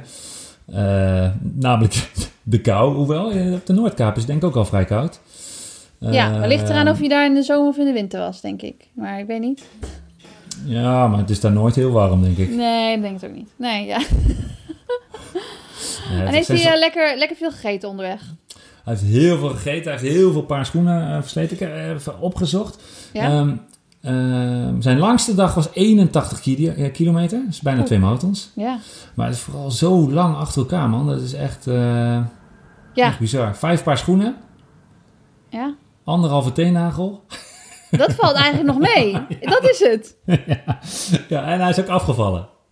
Ja, dat kan ik me ook voor. Ja, dat bedoel ik dus. Dat je dat bijna niet bij eet. Die energie die je dan ver- verbrandt. Dat is. eh, dan ben je de hele dag aan het eten natuurlijk. Ja, en dat is op zich al een klus op zich, denk ik. Elke dag eh, voorbereiden wat je eet, wanneer je eet, hoeveel je eet. Ja. Maar eh, eh, tussen start en finish zat 7 kilo. Dus, ja. Oh, jezus. Ja. Ja. Nou ja, dat is ook alweer. Ja. Ja, heel Ja. knap. Heel knap. Nou, en dan hebben we natuurlijk even gevraagd, wat was een meest Zwaarste- na, na de vaantjes moment? Ja, wat was het? Dat was in, in Spanje en dat had met drie dingen te maken. Ja. Het was warm. Hij moest enorm stijl klimmen. Ja. Met wind tegen. Oh, ja. Eh, maar veel, eh, veel zwaarder eh, kan het niet worden, denk ik. Hitte. Ja, op hoogte. Hoewel, ik weet niet hoe hoog kom je daar. Maar, maar, maar tegen, forse tegenwind, stijl omhoog en hitte. Ja, en natuurlijk best wel laat in zijn, in zijn, hele, in zijn hele tour. Ja, hij had natuurlijk al wat achter de rug. Ja. Ja, inderdaad. Maar dit is hij, wel een van de next level naar de vaantjes momenten. Ja, heel knap. Wauw. Ja. Heeft Nou, hij nog een mooie naar de vaantjes fotootjes doorgestuurd? Oeh, ja, hij heeft heel veel eh, foto's. Er komt ook nog een documentaire aan. Oh ja? Eh, voor, ja, die, daar is hij mee bezig. Ehm, volgens mij wordt het zelfs iets van zes of acht afleveringen, maar dat is nog niet klaar. Ik denk ook best wel een klus. Ja. maar die komt er nog aan. Dus, eh, nou, die Volgens zullen- mij heb ik hier trouwens ook iets van gezien dat mensen gingen meerennen. Is dat met hem of niet? Klopt, klopt. Volgens mij, ja, je kon aansluiten. Mij, elke keer als hij door een wat grotere stad kwam, Ja. ehm, kon je aansluiten. Dat was best wel een succes. ja, ik heb wel gezien dat hij bezig was, maar hij heeft het dus gered. Ik vond het ook mooi, want hij heeft niet de kortste route gepakt. Nee? hij, hij kon gewoon zeg maar vanuit, ja, ik ken Lapland niet heel goed, maar je kunt gewoon recht naar beneden. Eh, maar hij had gehoord dat eh, de kustlijn van Noorwegen best wel mooi is. Eh, dus die heeft hij nog even meegepakt. Doe it for the gram. Wat is jouw langste, langste duurloop ooit is? Eh, ja, daar hebben we het wel eens over gehad, hè? Volgens mij 24 kilometer. Nou, ja, Ja. dat was dan voor hem een kwart werkdag. Ja, Nou ja, ja. Dat ja is bizar. eh, pittig. Ja, maar wel eh, kudos voor Jake, niet Jack. nou ja, ik ben benieuwd. Ja, ik ben benieuwd. Als hij dan Antarctica gaat doen, moeten we het even volgen. Nou, Ja. nou. Nou, nogmaals, eh, dit, was, dit avontuur is ook mede mee mogelijk gemaakt door Otlo en Run Today. We zullen even wat mooie fotootjes van een eh naar de vaantjes Jake eh, opvragen. En als de documentaire live is, dan zullen we het ook even delen. Ja. Nou, kijken. cool. Ja. Ehm, terug naar Pim en Erik. Ja, en ik, had, ik had ook nog een vraag gekregen over persoonlijke doelen. En die, die, die werd aan mij gevraagd. En dat is, ja, ik denk met een grapje, maar Niels S. mij vraagt... kan Imo aan Pim uitleggen hoe hij op zijn 43ste nog steeds zo hard eh, kan lopen? En dat gaat een beetje over hoe hou je motivatie? Want op een gegeven moment heb je Oh ja. geen... eh, loop je geen PR's meer misschien. Ja, Ja. ik moet er langzaam aan geloven. Ehm, maar ik wil eigenlijk die, die, paar, die vragen ook een beetje doorspelen naar Erik. Want ik kan me niet voorstellen, als ik geen PR's meer loop... wat nu natuurlijk ja, al een beetje zo is... dat ik niet meer eh, ga lopen. Zeg maar. het, is, het is een mooi onderdeel van het lopen, jezelf verbeteren. Ja, maar Eh, jij bent gewoon echt verslaafd. ja, ik ben verslaafd. Maar, dat maar en, en jij, bent, jij hebt dat denk ik hetzelfde. Ik kan me niet voorstellen dat ik gewoon niet meer loop. Maar wel met een ander, ander doel. Zeg maar, hoe hou jij jezelf gemotiveerd, Erik? Ehm, Behalve Nou, de jaarlijkse ik- sub 40. ja, nou ja, dat bijvoorbeeld. Nou ja, wel bijvoorbeeld dat, weet je. wel. Dan is wel een soort van doel van, nou, denk, nou, dan, dan blijf ik in ieder geval een soort van bepaald niveau proberen ik te, te blijven houden. Weet je, aan PS hoef ik al lang niet meer te, niet meer te denken. Dus Maar als de sub geeft 40 ook, dan geeft niet ook wel rust. Ja, Als de sub 40 dan niet meer lukt... Wat, Ja, dan wat- vind, ik het wel, dan vind ik het soms wel, vind ik het soms wel lastig Mm. dat, eh, dat dat zo is. Eh, want ik ben, daar ben ik misschien qua lopen soms iets te weinig liefhebber voor. Ik, moet wel, ik merk dat ik makkelijker met iemand samen train. En dat Mm. ik alleen trainen, ik kan het wel. En ik ben super blij als ik het gedaan dan, dan moet ik, ik moet het altijd eventjes opbrengen. Dan ben ik het uitstellen, want ik ga om twee uur. Nee, ik ga om drie uur. Ik om. Heel herkenbaar. Ik ga om vijf uur weg, weet je wel. En dan, dan ben ik halverwege die training en die training gaat dan goed. En dan denk ik, Waarom ben Waarom ik nou niet eerder gegaan? Weet je wel? Want ik ben, en, en achteraf ben ik echt super blij dat ik het gedaan heb. En, en die, die training die ik dan gedaan heb, die goed gegaan is, die motiveert dan altijd gelijk weer voor die volgende. Ja. Dus dat is eigenlijk een beetje het, eh, het ding. Maar ja, ik ben gewoon, wel- gewoon wel liefhebber. Maar ik voel, niet dat, ik voel niet een soort van verslaving. Ik heb meer nu zoiets van dat ik een soort modus vind van nou, als ik drie, vier keer in de week eh, kan, kan trainen, blijf ik fit bij. En, en ik heb dan nog wel het fanatisme. Ik vind dan wel, ik, er moet bij mij altijd wel een soort van doel zijn Ja. alleen maar lopen om, eh, om, om lekker beetje te lopen en verder. En niet, niet een wedstrijdje of een keertje een prestatie neer te zetten. Dat vind ik wel, vind ik wel lastig. Eh, maar jij, jij bent gewoon een prestatiegerichte liefhebber. Ja. Want al hou je dat prestatie eraf en je draait minder Ja. lekker en jouw vorm is zoek, dan, dan valt ook meteen je Ja, motivatie liever op, weg. dan sta, ik liever, sta ik liever op de golfbaan. Maar Ja. jouw doel kan niet zijn eh, een, langer dan ooit. Of eh, een x aantal kilometer in de week. Of, Nee, oh, nee, nee, totaal niet, Een nee. nieuwe route. Nee, nee, nee, nee. nee, nee, nee, ja, totaal niet. Een keertje, twijfel, hoor. een, Geen keertje, twijfel. Nee. een keertje geen heen en weertje. Ja. Nee, nee, ik heb wel gewoon verschil- Ja, je hebt wel zo'n vaste rondje of verschillende rondjes. Ik vind, ik Ja. dat wel, wel leuk. En ik, we zijn nu we zijn in IJsland geweest om wat trails te doen. Ik heb dus tijd wat trails dingen gedaan en alles. Vond ik ook wel wat tof om te doen. Maar als ik ergens aan mee ga doen, ja, dan wil ik wel op dat moment dat ik ergens aan meedoe, wil ik er wel uithalen wat erin Ja. zit. En Ja. of dat dan op dat moment 40 minuten is of 42 minuten of, of voor iemand eindigen waar ik al eh, een paar kilometer achterloop. Dan denk ik van ja, jij gaat echt niet voor me eindigen. Gewoon een random. Weet je, dan, dat kan ook al, eh, dat kan ook al een Dat heb ik altijd, maar dan vooral met bekenden. Heb ik heel Ja. erg met bekenden. Als Ja, ik nou ja, Ja. dat. Weet je, ja, dat. Dat je Pim Ja, ziet je in de verte. Ja, soms, soms heb je dat wel. Helemaal, helemaal zwabberend in Rotterdam. Ja, als het niet om tijden gaat, dan is het altijd inderdaad wel even een bekende of zo. Nee, die kan ik nog, die wil Ja. ik nog Ja. wel, eh, wel, wel pakken. Of daar ga ik dan mee mee. Ik had nu op de brug gelopen, kwam nog een oud-atleet. Die kwam mij net na de Brienoordbrug voorbij. Volker van de Krol, die kwam er voorbij. Ik dacht, ah, ga ik toch niet helemaal laten lopen? Nee, wel, ga ik toch wel eventjes met pakken. mee. Weet je, die moet Had je hem? Had je nee, ik had hem niet. Maar, Klasse ja, klasse maar, het, feit dat hij mij voorbij kwam, zorgde Ja. er wel voor dat ik de laatste drie kilometer nog Ja. wel eventjes goed, eh, goed door kon lopen. Maar het belangrijkste voor mij is gewoon van... Ik ben nu, nu 56 en ik wil over 10 jaar wil ik nog kunnen lopen. Ja. Ja. Dus ik wil nu niet eh, en dat heb ik bij een aantal mensen wel gezien, zo fanatiek zijn en zoveel lopen, dat het over tien jaar klaar is. Ja. Ja. Heb je Dat- voor dat jezelf ook dat je zeg maar als je minder fit bent en als je dan weer een soort van opbouw doet richting een wedstrijd, Ja. dat je dan eh, een soort van motivatie haalt uit je eigen progressie en dat je dat met je horloge bijhoudt? Is, het, is data daarin belangrijk? Ja, ja, ik kijk naar de wel, kijk wel hoe die kilometers gegaan zijn. Ja. Want ik doe wel gewoon met mijn intervaltrainingjes. En ik vind het dan wel belangrijk, als ik kilometers onder de vier minuten wil lopen, dat Ja. ze dan ook onder de vier minuten waren. En als het dan vier minuten drie, vier, vier is, dan denk ik, godverdorie, weet je, ik ben er nog niet. Weet je, dus op die nee, manier, ja. Ja, ben ik, op die manier ben ik er wel horloges- mee bezig. Die horloges die, die vertellen je tegenwoordig ook van Ja. dit is je VO2 max. Oh nee, daar ben ik totaal niet mee nee, bezig. daar ben je Nee, niet nee, mee nee, bezig. nee. Al- nee, hartslag en zo, dat, dat maakt me echt geen zak uit. Nee, nee kijk ik ja, mooi eigenlijk, is dat. Ja, ik, ben ook helemaal niet van de data, maar ik heb bijna het idee dat iedereen echt obsessief is met data. Ja, nee, Dus, kijk ik eh, totaal niet naar. Nee? En ik merk ook steeds meer in tempo's die ik nu doe, dat ik mezelf ook gewoon dwing om niet op mijn klok te kijken. Mm. En dan vind ik het juist heel tof als ik denk van, nou, ik loop nu, eh nu 3,58 of zo en ik kijk naar de rand en dat piepje gaat en ik denk op 3,57, lekker. Weet je, Ja. dat, dat. Je bent echt je- eh, in tune met je met je Ja, dat vind ik wel fijn. Dat vind ik wel fijn. Want dat Ja. geeft ook een bevestiging van hoe je, hoe je gaat. Maar ik met al die andere ik hoor nu eh, mensen altijd. Dan trainen wij, eh, dit, we gaan nu vandaag zone 2 of zone 3 lopen. Ik zal je zeggen, ik heb geen idee wat mijn zone is.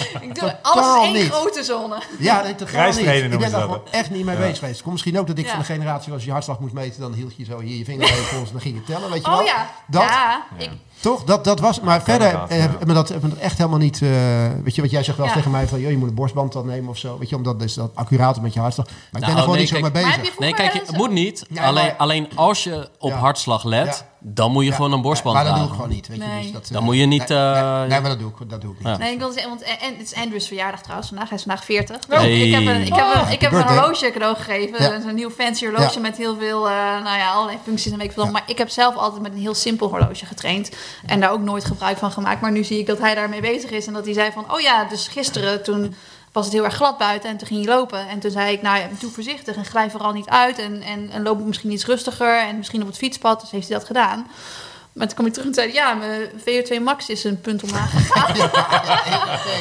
Hey, maar die dingen zijn genadeloos. Ja, maar hallo, Als je hij is wel gaan lopen. Hey, als je verstandig traint, word je genadeloos afgestraft door die horloges. is altijd mooi, hè? En niet productief of zo. Zei. Dus hij zei, hij zei Ja. van, de, pas zei hij ook van, had hij een dagje dan rust omdat hij zich niet Ja. zo lekker voelde. Ja, unproductive. Ja. Ik zei, oh, Hey, ik, ik heb in principe hè, ik heb, ik heb, eh, een duur, fancy sporthorloge gekocht... om vervolgens al die extra functies uit te zetten. Want die wil ik allemaal niet horen. Maar als ik dan in mijn Garmin-app zit... dan zie je wel die, eh, dat, eh, al die gegevens die ze bijhouden. En dan staat er bij mij altijd...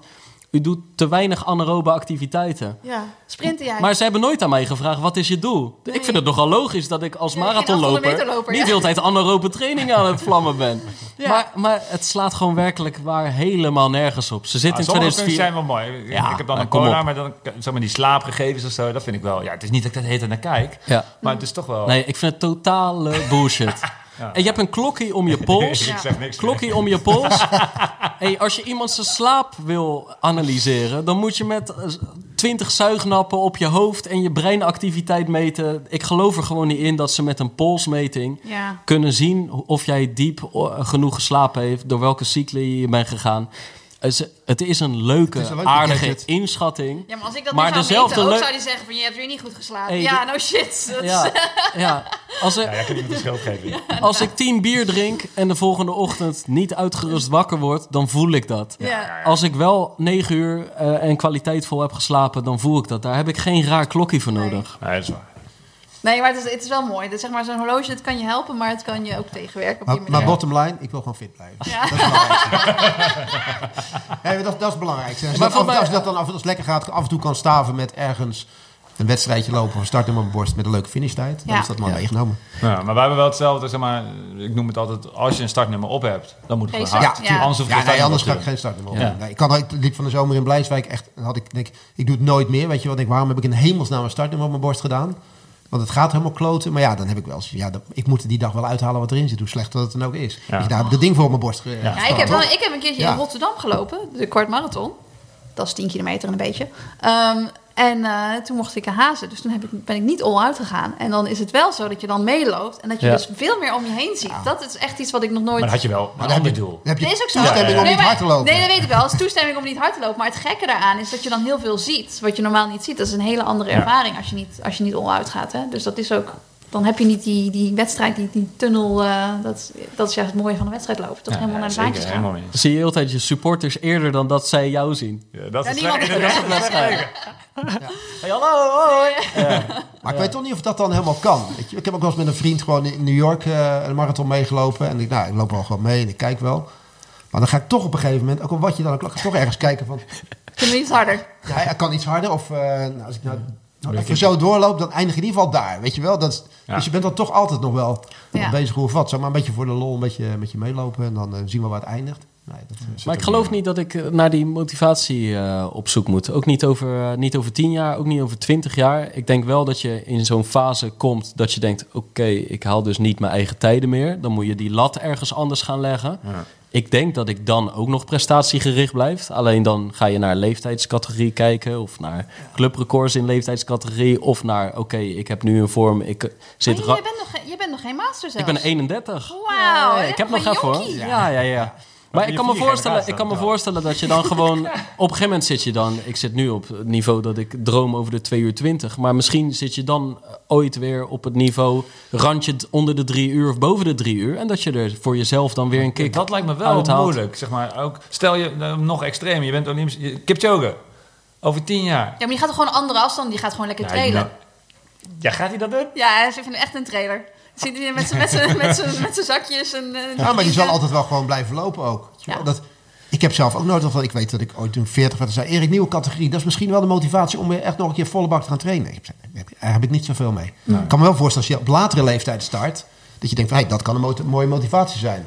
Maar ik heb met leeftijdscategorieën. eh, Maar ik heb wel, ik heb, ik heb vanaf jongs af aan altijd gewoon eh, zoveel respect gehad voor lopende ouderen. En dat bedoel ik, zeg maar, gewoon, ik vind het zo tof als ik zeg maar opa's en oma's voorbij zie komen bij langere afstanden. Ja, dat wil ik ook gewoon. Eh, Ik heb, eh, weet je wel, mijn favoriete groepje pakkers Ja. is dat zijn die mannen die op dinsdag en donderdag op een kruk zitten naast in de kantine een biertje te drinken. En daarvoor hebben ze een stukje hard Dat gelopen. briljant als je straks Zo wil ik oud worden. Ooit. Weet je, maar zo ja, wil ik oud Een worden. biertje drinken. Maar die lopen, al, die lopen al, al 40, 50 jaar lopen ze hard en kunnen dat nog steeds. En dat vind ik, dat, maar dat, dat vind ik het meest belangrijke. Van, Mm, Ja, als je dat, stopt is het dat- zo moeilijk je- om... Ja. Precies. Weet je, dan wordt het echt wel heel erg lastig. Als je Ja. stil gaat zitten, weet je, dan gaat het zo hard achteruit.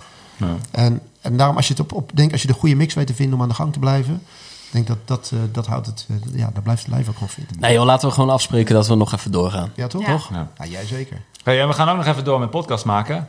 Ehm, eh, we hadden het er aan de telefoon over, Pim. We hebben wat overlap in, eh, in luisteraars, denk ik. En eh, daarom is het leuk om eens... Misschien moeten we, we hebben dat vaker gezegd... nu echt een jaarlijks terugkerende po- eh, Ja, dat doen we. Maar dan kunnen we hem gewoon aan het einde van het jaar doen. Dan gaan we ook nog terugkijken. Ja, dat is Ja, Ja. goed. Ja. Ehm, en daar kregen we ook wat vragen over. Want wat... eh, eh, ik weet niet of jullie daarover nagedacht hebben. Er zijn twee verschillende podcasts. Ehm, nou, met een beetje overlap. Maar wat is het verschil tussen de twee podcasts? Dit, de, ik ga weer een naam opzoeken. Ehm, ik heb zo ook nog een andere leuke trouwens. Eh Laurie Carine van Dam vroeg dat. Hoe, hoe kijken jullie daar zelf naar? Of kijken, luisteren jullie überhaupt naar Ja, andere de, kijk, ik, ik, ik, ik vrees het, het grootste verschil is dat wij gewoon, als we niet oppassen, dan hebben we twee onderwerpen. Dat is marathon en Rotterdam. en, meestal, en meestal komt dat op één onderwerp neer. Dat is marathon van Rotterdam. En eh, eh, dat is aan de ene kant denk ik heel leuk. Alleen ik denk ook wel eens dat een luisteraar in Zwolle of in Venlo... of denkt van waar, waarom hebben zij het hele jaar door... over die ene wedstrijd in die ene stad met die ene afstand. Ja, maar nu je het voortaan dus over je andere marathon gaan hebben. Ja, alleen, alleen eh, kijk, dat, dat is een soort van zwak punt van ons. En aan de andere kant Je is dat ook onze krijgt, kracht. ja. Dat, Ja, is ja, dat is gewoon waarom we, we- een deel van onze hardlopen-identiteit is gewoon die ene dag in april. Dus daar hebben we het vaak over. Probeer En- het ook wel eens om het niet over te hebben, maar het lukt niet. En ik denk, eh, ehm, dus dat is een verschil. Dat wij iets meer één focus naar één eh, wedstrijd hebben. En wat jullie vaak eh, doen en wat ik hele toffe aflevering vind, maar die wij zelf eigenlijk niet maken, is een voedingsspecialist of eh, een fysiotherapeut. Echt die experts, dat doen wij minder vaak. Wij, wij, wij, wij behandelen wel van de absolute recreant tot de absolute top. Ja. Eh, zoals jullie ook vaak de absolute top. Dan hebben we zelfs, zelfs wel eens dezelfde mensen aan de lijn na dezelfde wedstrijd. Zo snel mogelijk editen. Ja, ja. Wie is er eerder? Nee, nee, maar dan, dan eh, hebben wij elkaar wel eens op de app emo. En dat is eigenlijk geen probleem. Dan zeggen we gewoon tegen elkaar van... nou, nu is het een keer en we zullen vast wel andere vragen hebben gesteld. En de volgende keer maken we weer totaal iets anders. Maar die, maken we, die laten we lekker bij jullie. De, de- en en, en wij, wij, wij vinden vaak eh, van onszelf zeer geslaagde afleveringen... met, met gewoon dat we bijna niet voorbereid één of twee gasten hebben... die gewoon van de ene loopanekdote naar de andere Ja, mooi. loopanekdote gaan. Ja. Die 81-jarige man vorig jaar voor de CPC... Ja, dat was geweldig. eh, die twee Rotterdamse kappers vorig jaar. Eh, Ik vond de aflevering met eh, Noah Schutte van jullie heel eh, goed. Dat was dan Ja. wel weer ja. top. In de zin van, die jongen loopt natuurlijk gigantisch hard. Maar ik denk dat heel veel eh, lopers dat gewoon een heel interessant verhaal vonden. ja. Dus het kan prima naast elkaar. Maar ja, Maar- sowieso. Zeker. En welke expert zou je nog graag een keertje bij ons willen zien? Over welk onderwerp? Oeh. Goeie vraag. Eh, Live brainstorming hier. Putting you on the spot. dus waar ik toen eh, oprecht wel... eh, ik vond die toen met eh, Armand Bettelville. Oh ja. Die vond ik een jeuken erop. Ja, Die vond ja, ik ja, echt voeding is altijd interessant. Ja, die vond ik echt Ja. interessant. En ook wel omdat zij echt... eh, zij werken met de top, Ja. maar ze weten het ook de basis simpel uit te leggen. Ja. Waardoor je allebei de kanten... ja. Dus ik zit Ja. heel even te denken, maar wie, wie zou ik dan nog bij jullie willen zien? Of over welk onderwerp? Eh, Welk onderwerp? Waar, waar denk jij dat jij nog eh, winst kan pakken? Ja, nou ja, dus waar. Slapen. Dus ik ben nu dus een boek aan het herlezen. Dat is van de Amerikaanse coach eh, Steve Magnus. Oh ja. En die heeft het Oh boek ja. geschreven Do Hard eh, Things. hard things, ja. En, en dat boek gaat erover dat, dat wij als mens eigenlijk. eh, ehm, ik ben even op zoek nu naar het Ne- Nederlandse woord. Oh ja, ik heb het altijd. Ja, Oh dat heb jij altijd. Zeg maar. Ehm, In het Engels. eh, resilience. Oh ja, maar het is ook mooi in het Engels. Ja. Ja, wat is dat? Ehm Nou ja, ze- zeg maar, kijk, wij. ja, hardheid of zo. Hardheid, precies. Ja. Dat we hardheid, we zijn, we zijn, dat, we zijn als mensen, zeg maar, eh, eh, hebben wij het idee gekregen dat hardheid is eieren, zeg, maar, zeg maar, door muren gaan, niet opgeven. Eh, eh, ehm, eh, een beetje de, de militaire eh, behandeling van gewoon door grenzen De gaan. Rotterdamse mentaliteit, niet lullen maar poetsen. Ja, terwijl heel vaak het ook van kracht getuigt om te zeggen: Oké, ik doe nu niet dat stapje verder, Ja. want op de lange termijn ben ik daar beter in. Of ik toon me nu kwetsbaar, want dan hebben meerdere mensen daar wat aan. Eh, dan spreek ik mijn twijfels uit en daar heb ik op langere termijn wat aan. Daar gaat een beetje dat boek over. En dus ik zou graag een keer mentaal Ja, iemand een beetje in die hoek Ja. van, eh, ja. Ja. Ja, mental coaching is natuurlijk altijd interessant. ja, maar Sorry, ik, kwam niet, ik, ik vond niet meteen de juiste woorden, maar je weet is- in welke hoek ik ja, het eh, dat is ook zoek. wel de reden dat veel lopers eh, als ze een coach hebben, dat ze harder gaan lopen. Niet omdat ze harder gaan trainen.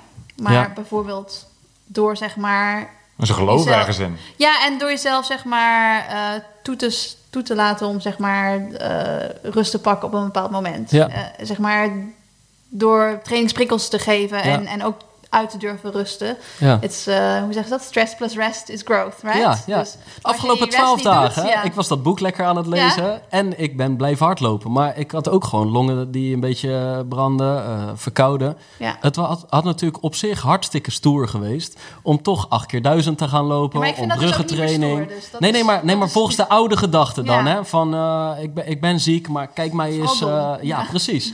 en dit is een heel eh, ehm, simpel voorbeeldje waarbij elke luisteraar wel aanvoelt van nee, maar dat moet je niet doen op dat moment. Ja, Maar door heel het jaar heen heb je ook moeilijkere keuzes. ja.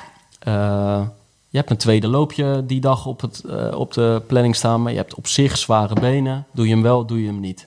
En de ene keer moet je hem wel doen, maar de andere keer moet je hem misschien niet doen. Ja. Ja. Het zijn toch sacrifices voor, voor een grote doel. Dus Ja. dat is wel dat is een beetje... Ja, ja, Heb je nu het plezier van je duurloopje... of heb je straks plezier van een goede prestatie in Rotterdam? ja. Ja. Ja, als, je, als ik onze podcast vergelijk, ze allebei denk ik de charme dat het gewoon een gesprek is. We zijn gewoon lekker aan het, eh, aan het lullen. En eh, ja, soms vinden de luisteraar dat interessant. En soms is het een onderwerp of een Soms gast ze meteen die wat uit. minder is. En dat is natuurlijk ook makkelijk. Dan zet je hem gewoon lekker uit. Eh, maar ik had nog zelf eentje waar ik heel enthousiast over was. Heel, wel sport, maar ik weet niet of je hem geluisterd hebt van Erik Dijkstra. Die podcast Druk of Omgaan met Druk. Ja, En die is dan goed. heeft hij een stuk of acht topsporters. En wat ik daar Ook atleten, Anouk Vetter. Anouk Vetter zit erin, Annemiek van Vleuten, en nog een heleboel echt grote Nederlandse sporters. En even los van dat ik het eh, ja, mooie verhalen vindt. En eh, je leert echt wat over wat er in het hoofd eh, van die topsporter gebeurt en is gebeurd. Maar wat ik heel mooi aan die podcast vind, is die is fantastisch gemonteerd. Zeg maar, echt met geluidjes en een voice-over. En, en- Shit, ik moet aan de bak.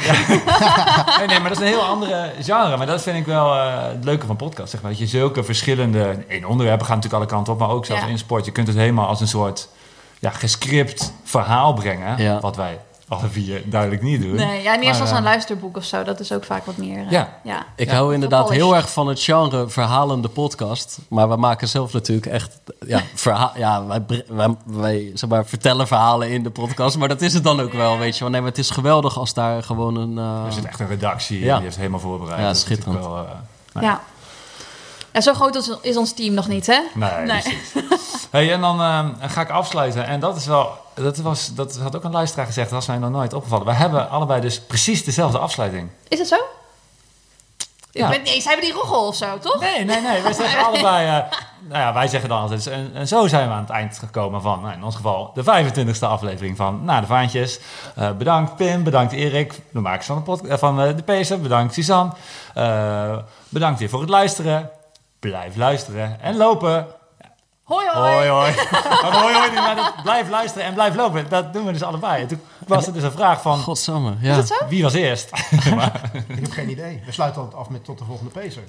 Ja, ja, maar wij Maar zeggen inderdaad, blijf blijf luisteren, blijf, ja, Ja, blijf lopen. ik heb geen idee Ja, ja, wij- maar het is gewoon waar, hè? Ze moeten Ja, het ligt ook gewoon voor de hand natuurlijk. Maar ik denk Ja. dat jullie, jullie waren al bezig toen wij zijn begonnen. Wij zijn begonnen in eh, zijn in 2018 eind april eigenlijk, hè? 2019 zijn wij begonnen. Ja. Dus dan Ja. zullen we denk ik eh, Ja, jullie gekopieerd zijn- hebben. Ja, ja. Zo wilde ik niet.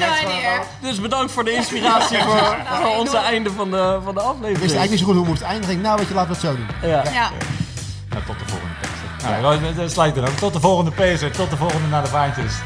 en eh, bedankt eh, voor jullie komst. eh nou, Utrecht alle drie. Mooi uitgaan. Mooi 2023. Hoi, hoi. Ja. Eh, Oh ja, heb je nou een prachtige naar de vaantjes foto van jezelf? Post hem dan met de hashtag naar de vaantjes. Ja, of als je nou op social media een foto voorbij ziet komen van iemand waarvan je denkt, nou, die is echt enorm naar de vaantjes gegaan. Zet de hashtag er dan onder. Of je mag ons ook altijd taggen, naar de vaantjes. Dan kunnen we allemaal lekker meegenieten.